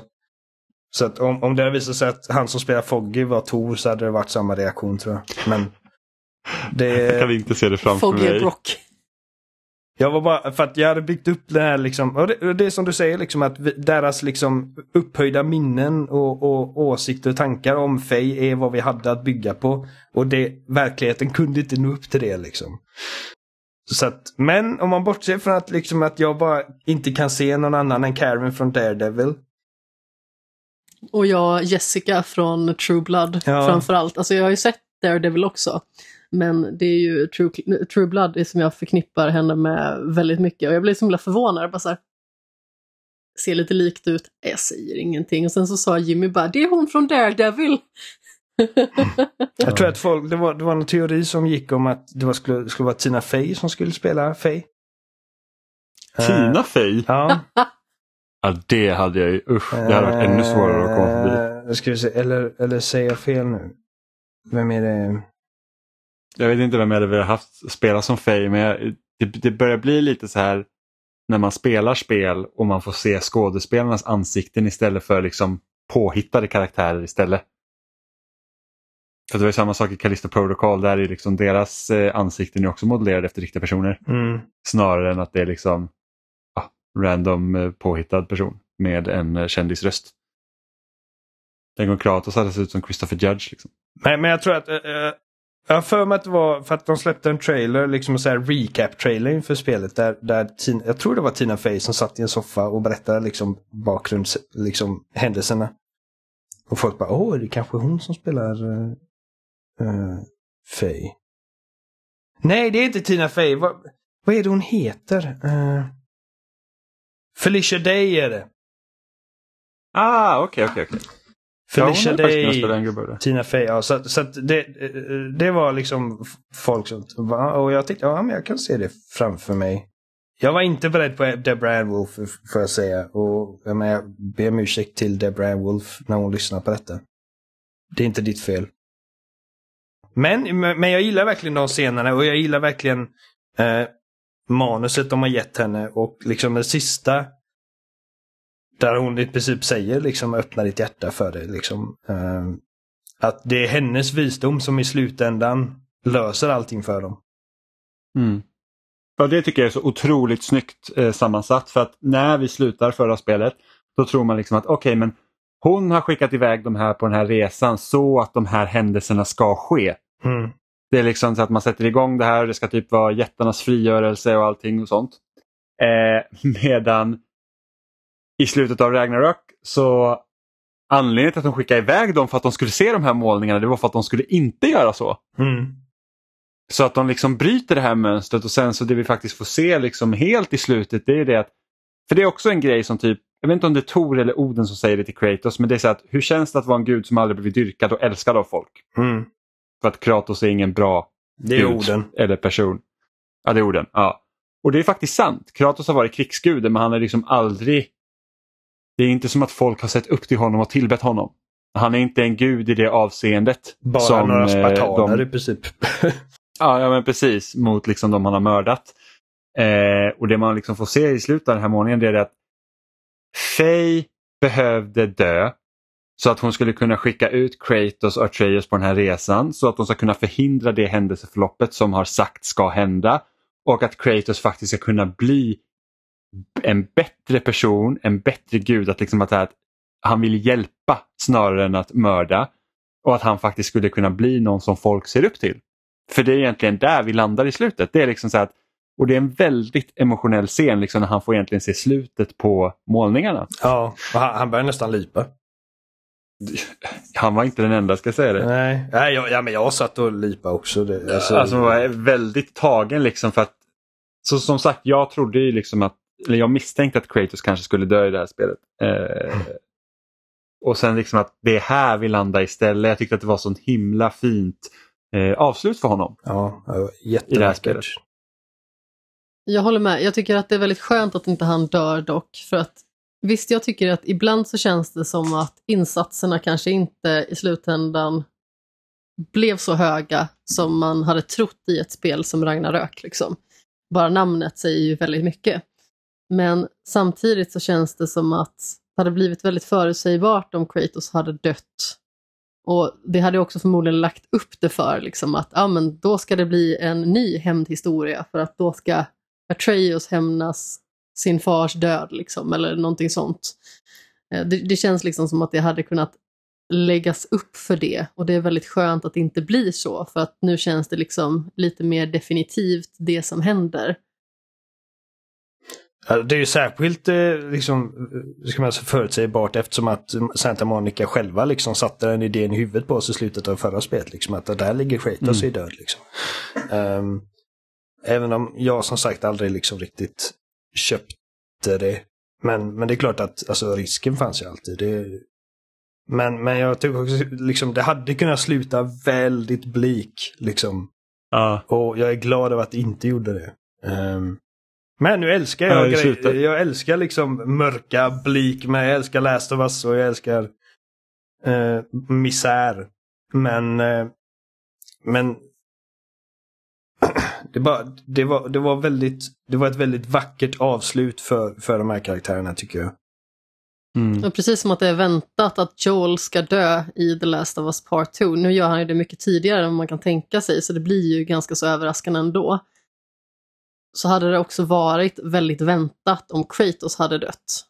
Och jag tycker ändå att det är skönt att han inte gör det på något sätt. Mm. Eller att man i så fall, om han nu skulle trilla av pinn, man gör det på något sätt så att det liksom inte finns utrymme för hämnd eller liksom att profetian slår in i alla fall men inte på det sättet som man har tänkt sig. Att han kanske inte blir mördad liksom utan det kanske bara är att han offrar sig eller att det är otur eller liksom så här att sånt som man inte kan styra över. Mm. Ja, nej men alltså, och, och bara, där har ingenting med God of War att göra, men som du sa, liksom att, att det, det är oväntat att Joel dör så tidigt. Alltså som sagt, det oväntade är liksom inte att Joel dör, utan att som sagt, dels att det görs så, så tidigt och att sen spelet har liksom the testicular fortitude att begära att du ska spela hans mördare. Ja, ja men precis. Och i The Last of Us Part 2 så tänkte jag liksom innan vi skulle spela antingen så har Joel dött eller så kommer han göra det längs med vägen men jag tänkte aldrig att han skulle liksom dö så tidigt när man liksom faktiskt fick spela som honom. Och, det, och det hamnar egentligen in det här liksom hela budskapet om man försöker köra med sen första spelet, det här med att bli bättre. Och det är liksom Kratos mål att bli bättre. och det är någonting som, för det vet jag att det pratar, för väl, när vi gjorde spoilercast på första God of War, eh, eller ja, från 2018 då, för då sa jag det att jag tyckte inte att budskapet de körde i slutet klingade bra med vad man faktiskt gjorde genom att man dödade Balder. De bara vi måste vara bättre och sen så bara snappar man Balders nacke och sen så blir Freja sur. Jag bara så här, vad är det man har löst? Man har inte löst någonting här. Det är fortfarande samma sak. Och de adresserar faktiskt det i det här spelet. Vilket jag tyckte var lite kul. För att det var så här att när man liksom försonas egentligen med Freja så säger ju Kratos att ah, men vi gjorde fel. Det var inte vårt val att göra. Vi borde inte ha dödat Balder. Liksom. jag ångrar inte att jag Eh. räddar dig, men jag skulle inte tagit det Nej, valet från precis. dig. Exakt, för att, som, och det vet jag att vi debatterade tidigare också, var så här att när, om Balder hade dödat Freja, det löser ingenting så finns det ju ingenting som säger att han inte hade gett på sig Kratos och Atreus ändå. Det är klart Eh, att han hade gjort. Ja, och, precis, och min lösning var ju det att de låter Balder döda Freja och sen så dödar man Balder och då är det löst. Liksom, så då, Freja kan inte hämnas om Balder är död. Eh, Men man vill ju inte att Freja ska dö för det är ju en karaktär som man liksom har brytt sig om i hela första spelet. Ja, ja, men det var sekundärt för att det löste mitt problem. Eh, men att man adresserar det här och det tycker jag är så himla fint också när man pratar om det här stänga ditt hjärta, öppna ditt hjärta, att man liksom kommer till den insikten liksom att om, om målet är att bli bättre då går man också igenom de eh, misstagen som karaktärerna gör på vägen. Så att det, liksom, det är inte så att ja, men så som vi gjorde i slutet av första spelet, det är, liksom, det är absolut, det är bara så det är. Utan att man säger att ah, men det kanske inte, alltså vi lär oss fortfarande, vi växer. Eh, så det tyckte jag faktiskt väldigt mycket om. Eh, Ehm. försoningen med, med Freja händer också tidigare än vad jag trodde att det skulle göra. Ja, och jag kan väl tycka att det kanske sker lite väl fort, även om jag förstår varför man måste göra så. Eh, Ja, jag tyckte det var väldigt snyggt faktiskt. Jag måste säga att det var några av mina favoritdelar i hela spelet. Alltså när Atreus går och ska möta Freja för att eh, helt enkelt försöka be henne liksom, om, om hjälp i stort sett. Det var också spänning deluxe. Ja, Liksom. det var riktigt dålig stämning, måste man ju säga. Men då förstod man liksom också att ja, men det här kommer inte att hålla. Det här kommer att vända. För att där var det liksom så himla eh, argt. Liksom att men det här kommer att vända sig. Trodde jag liksom då. Jag vet inte, det var liksom bara någon form av känsla jag fick. Eh, snarare än liksom att jag såg några tydliga tecken kanske. Jag kan inte återbilda det nu riktigt i mitt huvud om man säger så. Men vad heter det, Atreus sånt halsband tar ju hon honom, eller ifrån honom. Och sedan så ger hon det tillbaka till honom och det kanske var lite det liksom att hon tar det. Och då tänkte jag att hon kanske kommer ge tillbaka det till honom förr eller senare. Alltså jag... Eh, jag gillar att bli överraskad. Det är typ en av de stora anledningarna till att eh, The Last Jedi funkar så bra för mig medan den inte funkar jättebra för, för andra. För att det är liksom... Jag älskar ju den. Det är den mest oförutsägbara Star Wars-filmen. Och jag, och jag, Ja, jämfört med uppföljaren. ja, precis. Usch! och, Usch, och eh, och jag älskar Last eh, Last of Us Part 2 för att det också är liksom, det utmanar mig och mina känslor. Och mina liksom biases. Och, eh, och, så, och det, det är sällan spel gör det känner jag. Ehm, så att jag blev, för att jag hade liksom en ganska bra uppfattning om vad jag trodde att, eller liksom vilka, vilka beats som storyn skulle ta eh, den här gången. Och jag blev ganska glad över att upptäcka att jag typ har fel i allting. Så att jag trodde att jag hade rätt i, och detta var ju liksom den typ eh, minsta liksom, eh, chansningen, men jag tänkte liksom att eh, Oden och Tor kommer komma och hälsa på i början, men det blir en stor fight med Tor. Och så ger man sig ut på den här resan. Och jag tänkte att Tor kommer dö halvvägs in. För att, för att vi behöver ha liksom ett till vapen i spelet. Och vilket vapen är bättre i den här världen än Mjolnir? Och vi kommer inte möta Oden. Han kommer lämnas liksom i sin misär i Ragnarok. Och Freja är sista bossen. För vilken liksom vilken karaktär är bäst lämpad till att liksom ge en känslomässig sista konfrontation än någon som vi redan eh, är känslomässigt investerade i. Mm. Men så blev det inte och jag, och jag är jävligt nöjd med att jag, att, att jag liksom inte bara kunde naila alla beats. För det är någonting man känner liksom med... Man kollar typ bara ett helt annat exempel. Spiderman för liksom eh, Spiderman eh, No Way Home.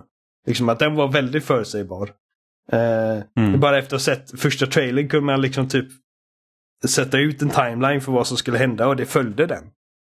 Sen så lyckades den oväntat nog göra det väldigt bra. Jag tyckte nog att det var den bästa Spiderman-filmen i den nya generationen. Jag, jag, alltså jag gillar den väldigt mycket. Eh, De, de, de, de nailar de beatsen väldigt bra men, men, men de överraskar mig liksom inte. Nej, nej, det är ju liksom inte överraskningsmomenten som de gör bra, utan det är ju andra saker. Så att, eh, men, men som sagt, jag uppskattar att, att, att, att, liksom bli tagen på sängkanten lite och, eh, ehm, Ja, vem gör inte det? och att liksom bli utmanad. Och, och liksom, så den första gången som, som ens förväntningar blev utmanade var när man liksom hittade Tyr och liksom, man tänker liksom detta är liksom the God of War och man har fått, höra så mycket om honom i förra spelet. Liksom, att han, han är inte bara en krigsgud utan han är också väldigt vis och älskad av alla. Eh, Mm. Och så hittar man det här liksom fega vraket. Eh, och eh, Vad risigt det lät. ja, men han är ett fegt vrak när man hittar honom. Liksom. Och, Ja, det är svårt att vara tyr faktiskt, där i början. ja. eh, och, sen, och sen hittar man den riktiga Tyr i det här fängelset. Och man bara, åh gud. Han är inte död, han, han, han har varit i det här fängelset hela tiden och eh, jag hade velat se lite mer av, av riktiga Tyr. Jag Mm. med, alltså det var vad jag sa till Jimmy när jag eh, hittade honom. Alltså visst, man kan ju hitta honom liksom i varje realm. Ja. Ja, han gör yoga och lite annat. Ja, men jag är ändå besviken på att man liksom inte får tillräckligt mycket emotionell belöning av att hitta honom. Jag känner att jag hade gärna velat ha mer i och med att vi tror att vi känner Tyr. Och att han liksom har betytt mycket för vår resa. Så hade jag gärna velat se betydligt mer av honom och att man liksom faktiskt gör någonting med den karaktären mer än att okej, okay, vi hittar honom men vi lämnar honom här för att han vill vara i fred. Mm. Alltså jag kan ändå köpa att okej, okay, jag behöver vara lite fred för att liksom bearbeta det här. Men samtidigt så hade jag liksom velat ha mer av det mötet. Åtminstone kanske liksom senare i så fall. Typ att okej, okay, om man gör den här grejen då kanske det här triggas då att man får lära sig mer om Tyr eller liksom får spendera mer tid med honom och faktiskt lära känna honom på riktigt. Jag hoppas att vi får se mer av honom i framtiden. För att alltså, mm. det, det, det råder inte mycket tvivel. Jag tror vi kommer få se mer av den här serien. Frågan är när, liksom. Mm. En sak som jag tänkte på, och det var när liksom hela det här eh, för att under spelet så har man alltid gått för att vi, vi ska inte, alltså när saker och ting går överstyr så lämnar vi. Det var liksom det som Kratos uh, hela tiden liksom, det var hans mantra egentligen för Atreus, liksom, att när, när vi inte har kontroll längre, då sticker vi. Eller går det över Tyr? ja, precis. Eh, och när Tyr då, eller som, som egentligen är Oden, liksom förråder oss, då sticker ju Kratos och Atreus. Och Kratos bara säger nej, det här är inte vi med på längre. Eh, och jag tyckte det var så himla synd att man liksom, man ger sig av då, vilket jag gillade. Och sen så är det så att under liksom den tiden man då är lite borta så kommer man till insikt, nej men vi måste sätta igång Ragnarök så kommer man tillbaka.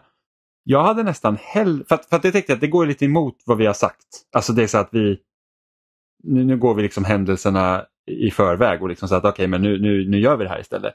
Jag hade ju hellre hoppats på att man hela tiden att man försöker liksom så att nej men vi, vi, vi sticker.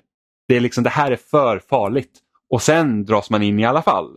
Eh, men Kratos blir lite av den här krigsgeneralen igen liksom, och leder dem ut i krig. Han tar egentligen Tyrs roll som man såg i profetian. Mm. Och jag undrar lite vad ni tycker över det? Jag tycker att det var väldigt synd faktiskt. För att det är liksom där, de tar tre stycken steg i skogen och sen bara så här, nej vi måste vända tillbaka. Och det tyckte jag var så himla tråkigt för det kändes liksom som så att den effekten av att vi liksom lämnar gruppen och bara så här, det här går inte vi med på längre. Nu är det vi som tar vårt pick och pack och går någon annanstans och gör vår grej. Det kändes liksom ändå som ett väldigt starkt ställningstagande och att de då liksom ändrar det egentligen på en femöring, det kändes väldigt märkligt faktiskt. Framförallt när det gick så himla fort. Att de hade kanske suttit och grunnat ett tag på att liksom, ja, men det här är det här vi verkligen behöver göra. Det är en sak. Men om man tyckte liksom att Frejas försoning gick fort så var det det här liksom på en kamelfis bara. Man hann knappt blinka och sen så var de tillbaka igen. Och det kändes lite tråkigt faktiskt för att det kändes som att det dödade lite effekten av det de hade gjort från början. Och jag hade föredragit, precis som det här med att om Kratos ska dö, så vill jag liksom inte att han ska bli dödad, alltså mördad, utan att det är liksom så här att du kan inte förhindra profetian, det, han kommer dö, men han gör det på något annat sätt. Liksom. Och samma sak här, att de går inte tillbaka på eget bevåg, utan profetian säger att de kommer möta Ragnarök. Mm. Så att det är vad de gör, de kan inte göra någonting åt det, utan de blir indragna i alla fall. Jag hann inte tänka så mycket på, okej, okay, nu gör, gör de det här ställningstagandet, att vi är färdiga med detta, utan för mig var det mer att, gud,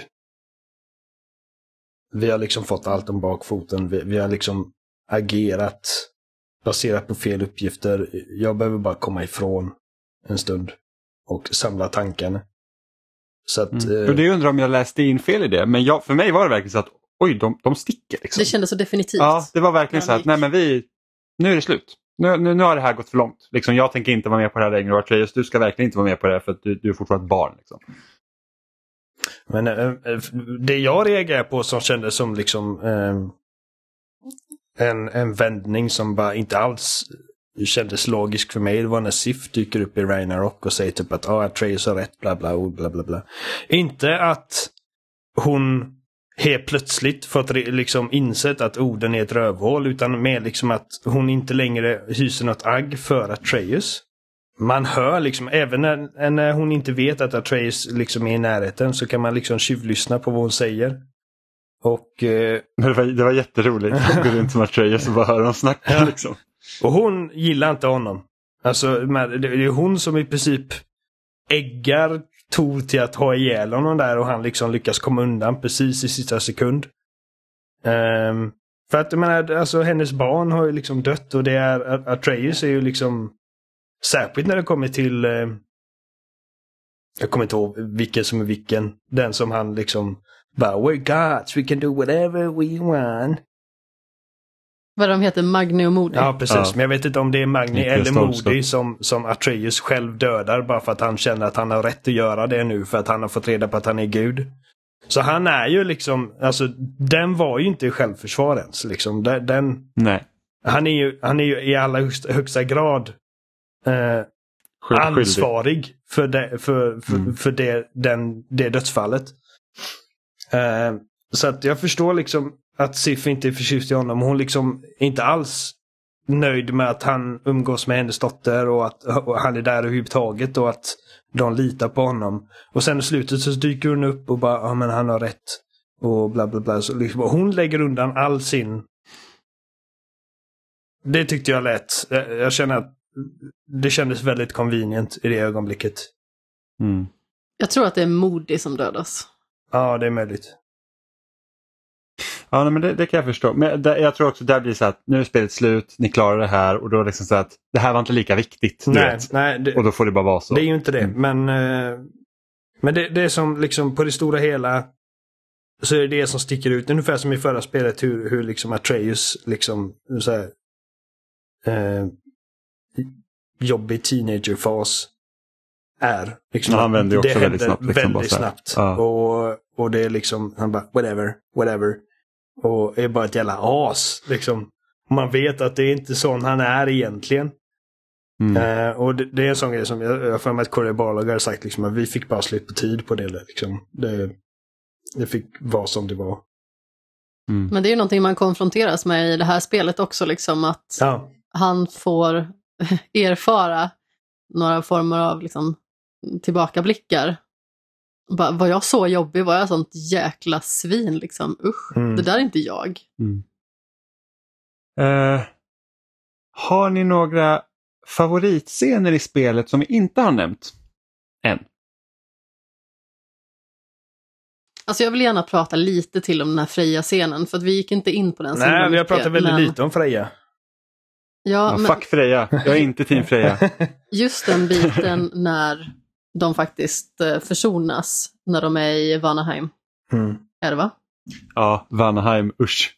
Det stället tycker jag inte om, om man är där skitmycket. Ja, det är faktiskt helt sant. Men eh, man har en väldigt fin stund med henne när man faktiskt öppnar upp sig själv och berättar att men jag hade liksom en familj en gång och hela den familjen gick förlorad. Och då blir det liksom som att hon lättare kan relatera till honom också.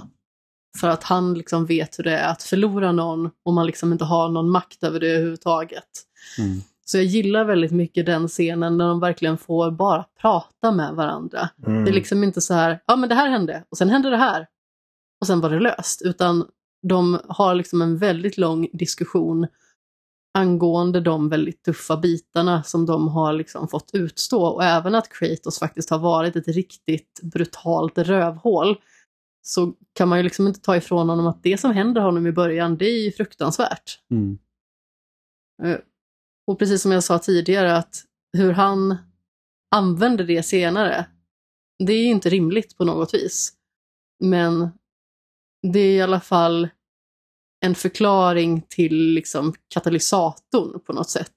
Mm. Sen så tas ju hela den biten på tok för långt för att det är en spelserie liksom. Men jag tycker ändå att det blir väldigt snyggt i det här spelet att eh, hans förlust har varit en så stor del av vem han är. Och att det nu är en väldigt stor del av vem Freja är också. Mm. Och att hon gjorde allting hon kunde för att förhindra att det skulle hända. Men det hände i alla fall. Hon, hon vet ju också att hon är direkt ansvarig för att det gick som det gick. Hon, hon har ju den insikten i det här spelet. Liksom att eh, det, är liksom, det var för att jag la mig i och inte kunde släppa liksom och bara lita på att saker och ting skulle gå bra. Ehm, som, som han blev som han blev. Jag, jag förstörde honom. Uh, och jag älskar att Kratos öppnar upp för henne. Liksom när, han, när hon säger typ, du vet inte hur det är att förlora ett barn? Han bara, jo det vet jag. Nej, det vet jag. Jo, det vet jag. Hon, hon inser, oj det fanns en annan. Och han berättar sen liksom att jag, jag vet hur det gick för din son, du förtjänar att veta hur det gick för min dotter. Han berättar liksom att jag blev manipulerad i princip till att döda henne själv. Och hon bara, oh my god! Hon blir verkligen blir liksom helt tagen av det. I can't imagine. och en grej liksom, som, som jag älskar med det här spelet är att det är ett spel som är fullt av de här stora ögonblicken. Liksom så här stora Sony Interactive eh, set pieces. Eh, med eh, Ja. liksom enorma Trademark. bossfighter och vi har, vi har nämnt liksom eh, Ragnarok och de sista fighterna och vi har nämnt eh, liksom eh, fighten mot Garm och hur det slutar för Fenrir och allt det där. Men det är också proppat av mindre jättebra ögonblick. Liksom. Och, och du har gått in lite på det med Amanda med, mellan eh, Kratos och Freja liksom när de typ öppnar upp för varandra om deras misstag och deras barn och deras oro. Men också liksom som när, när man är och, och befriar de här liksom stora manetgrejerna, Hafgufas som de kallas. Mm. Och, eh, och Atreus liksom ifrågasätter var, varför är du så villig? För att du hatar liksom att hjälpa utan att liksom utan att få något för det. Du, liksom, du, du, du tycker bara alltid slöseri med tid och till slut så säger Mimir han bara, har du inte bara fattat att han bara vill liksom spendera tid med dig? Liksom. Mm. De Och ögonblicken. just med tanke på att Kratos tror att han ska dö. Precis. Eh, han, liksom, han gör sig redo för liksom att säga adjö vid, vid, vid någon punkt. Eh, och satsar liksom allt på att liksom göra Atreus redo för att klara sig själv. Ja, och med tanke liksom på det som han har fått erfara med Freja och hennes agerande, vilket i mångt och mycket ledde till Balders död, så blir det liksom också så att Kratos inser ju att han kan inte beskydda Atreus för evigt. Nej. Det är ju liksom oundvikligt att han kommer behöva klara sig på egen hand och en dag så kommer Kratos förmodligen att försvinna helt och hållet. På ett sätt eller ett annat. Och det antar jag liksom då blir väldigt uppenbart för Kratos att jag behöver värna om den tiden vi har och jag måste se till liksom att han är så redo som han kan vara. För att det kommer komma en dag när jag inte kan beskydda honom längre. Ja, Mm. och det, alltså som sagt, det, det finns så många sådana. Och typ som när, när Mimir säger till Atreus bara liksom att du, vi borde slänga honom i den här, i den här eh, vi borde slänga pojken i den här eh, lilla ponden, vad är det, dammen. Ja. Atreus bara va? Han bara, You've developed a bit of a scent lad. Han bara what? ja, ja, han riktar illa. Och Kratos bara, it is, it is natural. Dad! Jag det är en massa sådana Ja, liksom, det roliga ögonblick och, och, och Mimir och hans historier. Och, och det...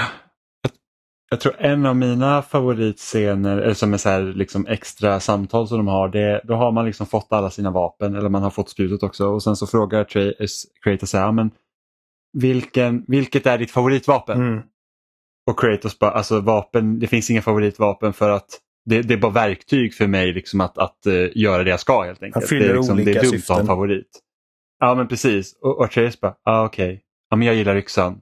Och Kratos bara, jag gillar också yxan. för att det är ju liksom mammans yxa. Det, det tycker jag är så himla fint. Sådana såna, såna små liksom detaljer tycker jag är så, alltså det, det blir så här, och det känns inte som att alla får se det här heller, utan det kändes som att jag fick se det. Mm. Eh, och det tycker jag, ja, det, det var jättefint. Jag gillar också den, jag kommer inte ihåg vad den dvärgen heter, men den dvärgen som har typ en bläckfisk i en skål eller någonting. Eh, som, Ja just det, han eh, i Svartalfheim där Ja. som är det där. han som jobbar. Är det något på det? Ja, det är någonting. väl- Låter nästan som Durin. Ehm, men i alla fall, han, han, han motvilligt jobbar för Oden och sen mot slutet, efter att man har klarat huvudstoryn och man återvänder till den liksom baren.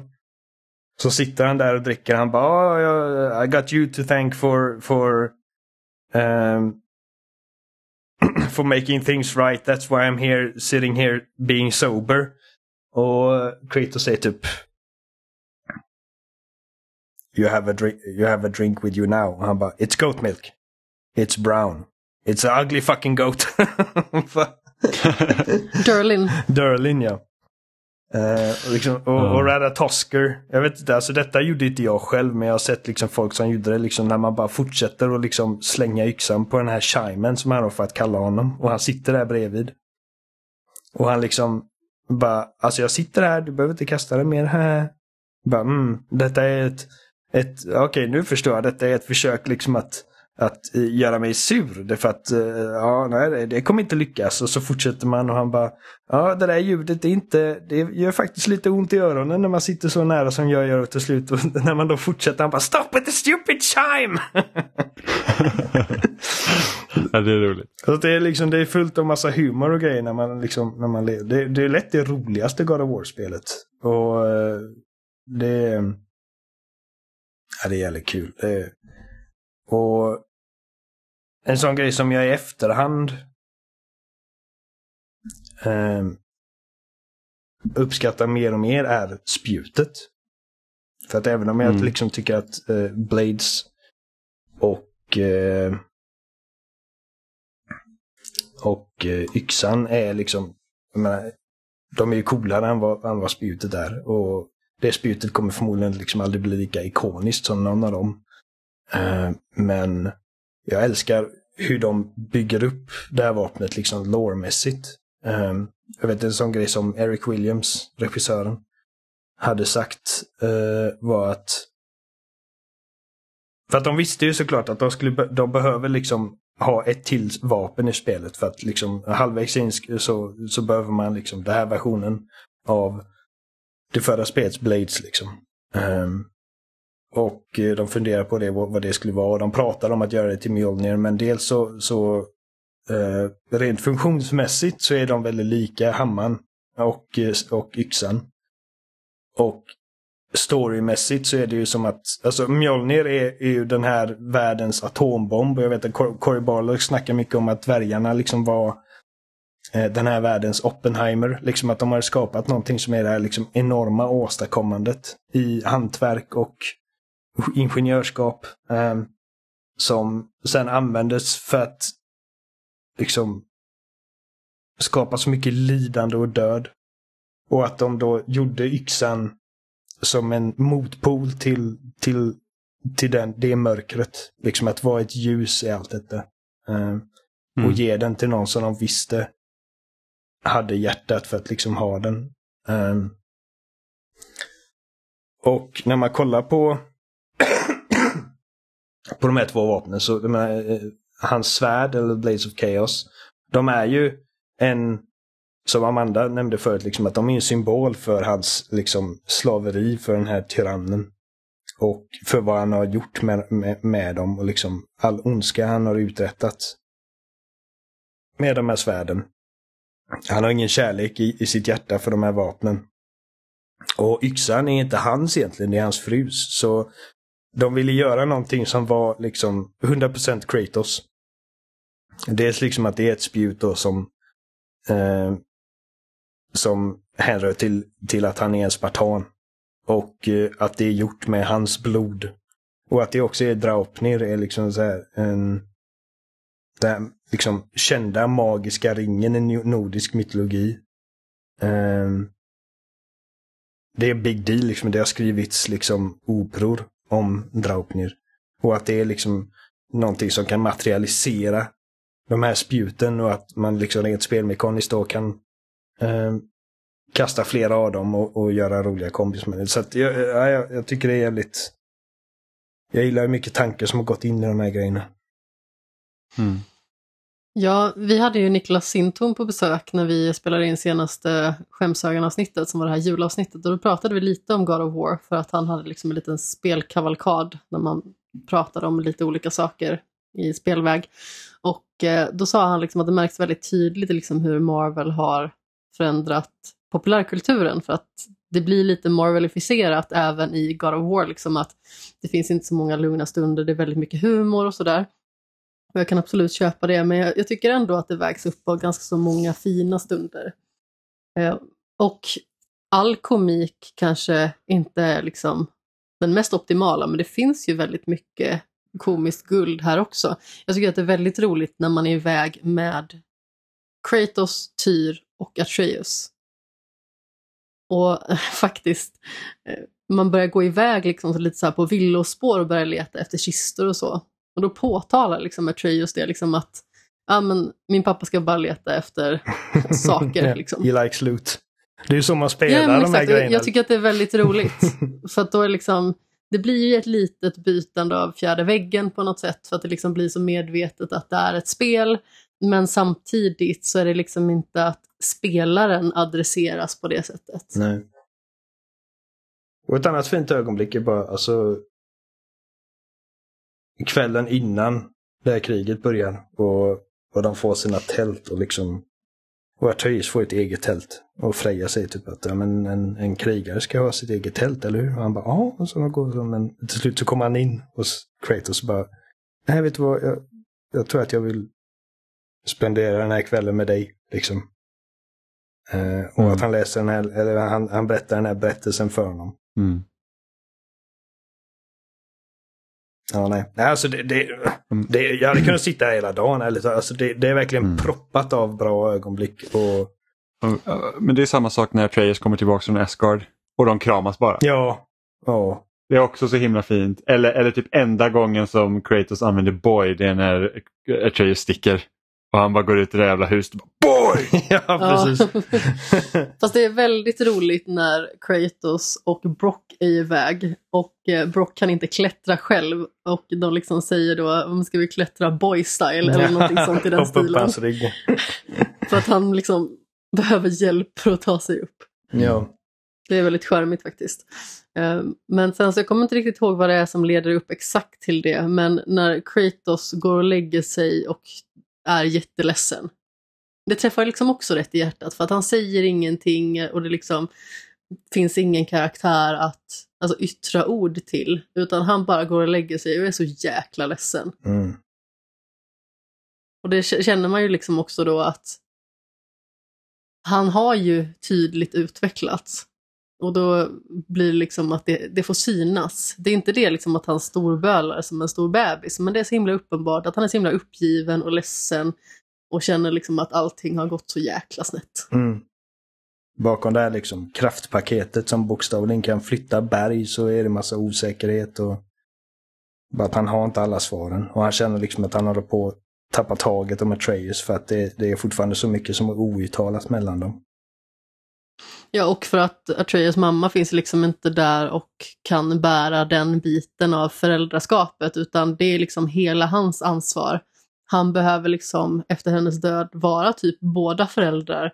Han behöver liksom förmedla det han kan, men också hennes liksom visdom och kunskaper. Vilket inte alltid är lätt liksom, för att det lättaste är att föra vidare det man själv känner till bäst. Och han inser ju också att det han känner till bäst, det är ju inte saker som man alltid vill föra vidare. Nej. Nej, alltså det, det, det, det är så jävla välskrivet alltihop och, och väl sammansatt för att det är så det är tusen rörliga delar som alla måste kulminera till en punkt och det är alltså jag, när jag tänker på liksom arbetet som har gått in i allting så jag, blir- jag blir, ja, nej, det, det är svindlande ärligt talat. Jag, jag, vet inte riktigt hur de fick ihop allting. Och man kan peka på saker att det här fungerar mindre bra och det här liksom kunde, hade jag kanske önskat att de hade gjort mer av eller mindre av eller bla bla. Men, men i slutändan så är det att på det stora hela så är det ett sånt jävla sån jävla fullträff och ett sånt åstadkommande. Um, jag menar alltså även ett dåligt spel är skitsvårt att göra liksom. Så, ja. Men vad, vad tror vi vart tror vi att serien tar vägen härnäst? För att de, de har ju sagt på förhand att det här ska liksom vara slutet på den nordiska mytologin.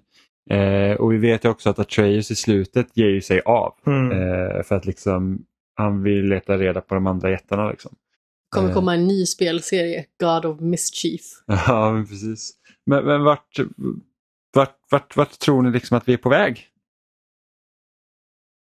Jag tycker det är väldigt svårt att säga. Jag tror inte att liksom, när nästa spel börjar att vi direkt kommer vara på någon annan mytologi. Liksom. Ehm, så medan de har snackat om att okej, detta är slutet för liksom, eh, den nordiska mytologin så tror jag mer liksom att de snackar om att det är slutet på den nordiska liksom, berättelsen. Jag tror att vi, det kommer ändå liksom... Ja, nej, jag vet inte. Ärligt talat, jag vet inte. Jag, jag tror ändå att vi kommer få se de här karaktärerna i, det här, i den här världen igen. Vi kommer få se hur Lo äh, Atreus äh, liksom äh, jakt på de här, eller jakt, ni förstår vad jag menar. På de sista jättarna. Hur det, hur det går. Och jag tror att vi kommer att se Sindri igen. Um, och sen hur det urartar sig, det, det har jag ingen aning om. Jag vet att eh, jag och Stefan pratade om det för ett tag sedan. Eh, att om Atreus någon gång skulle ta över huvudrollen i den här serien så hoppas jag på att han är betydligt äldre och eh, Och framförallt inte bara... Ja, bara typ en använda. ung vuxen i alla fall. Ja. Och att, och att han framförallt inte bara har sin pilbåge.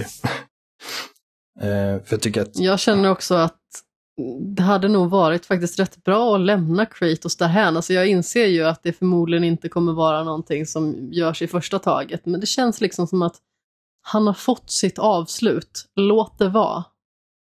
Jag tror att det finns fortfarande grejer man kan göra med Kratos och det finns mycket man kan göra med Atreus också. Jag, jag, jag har faktiskt ingen aning om hur det kommer se ut framöver.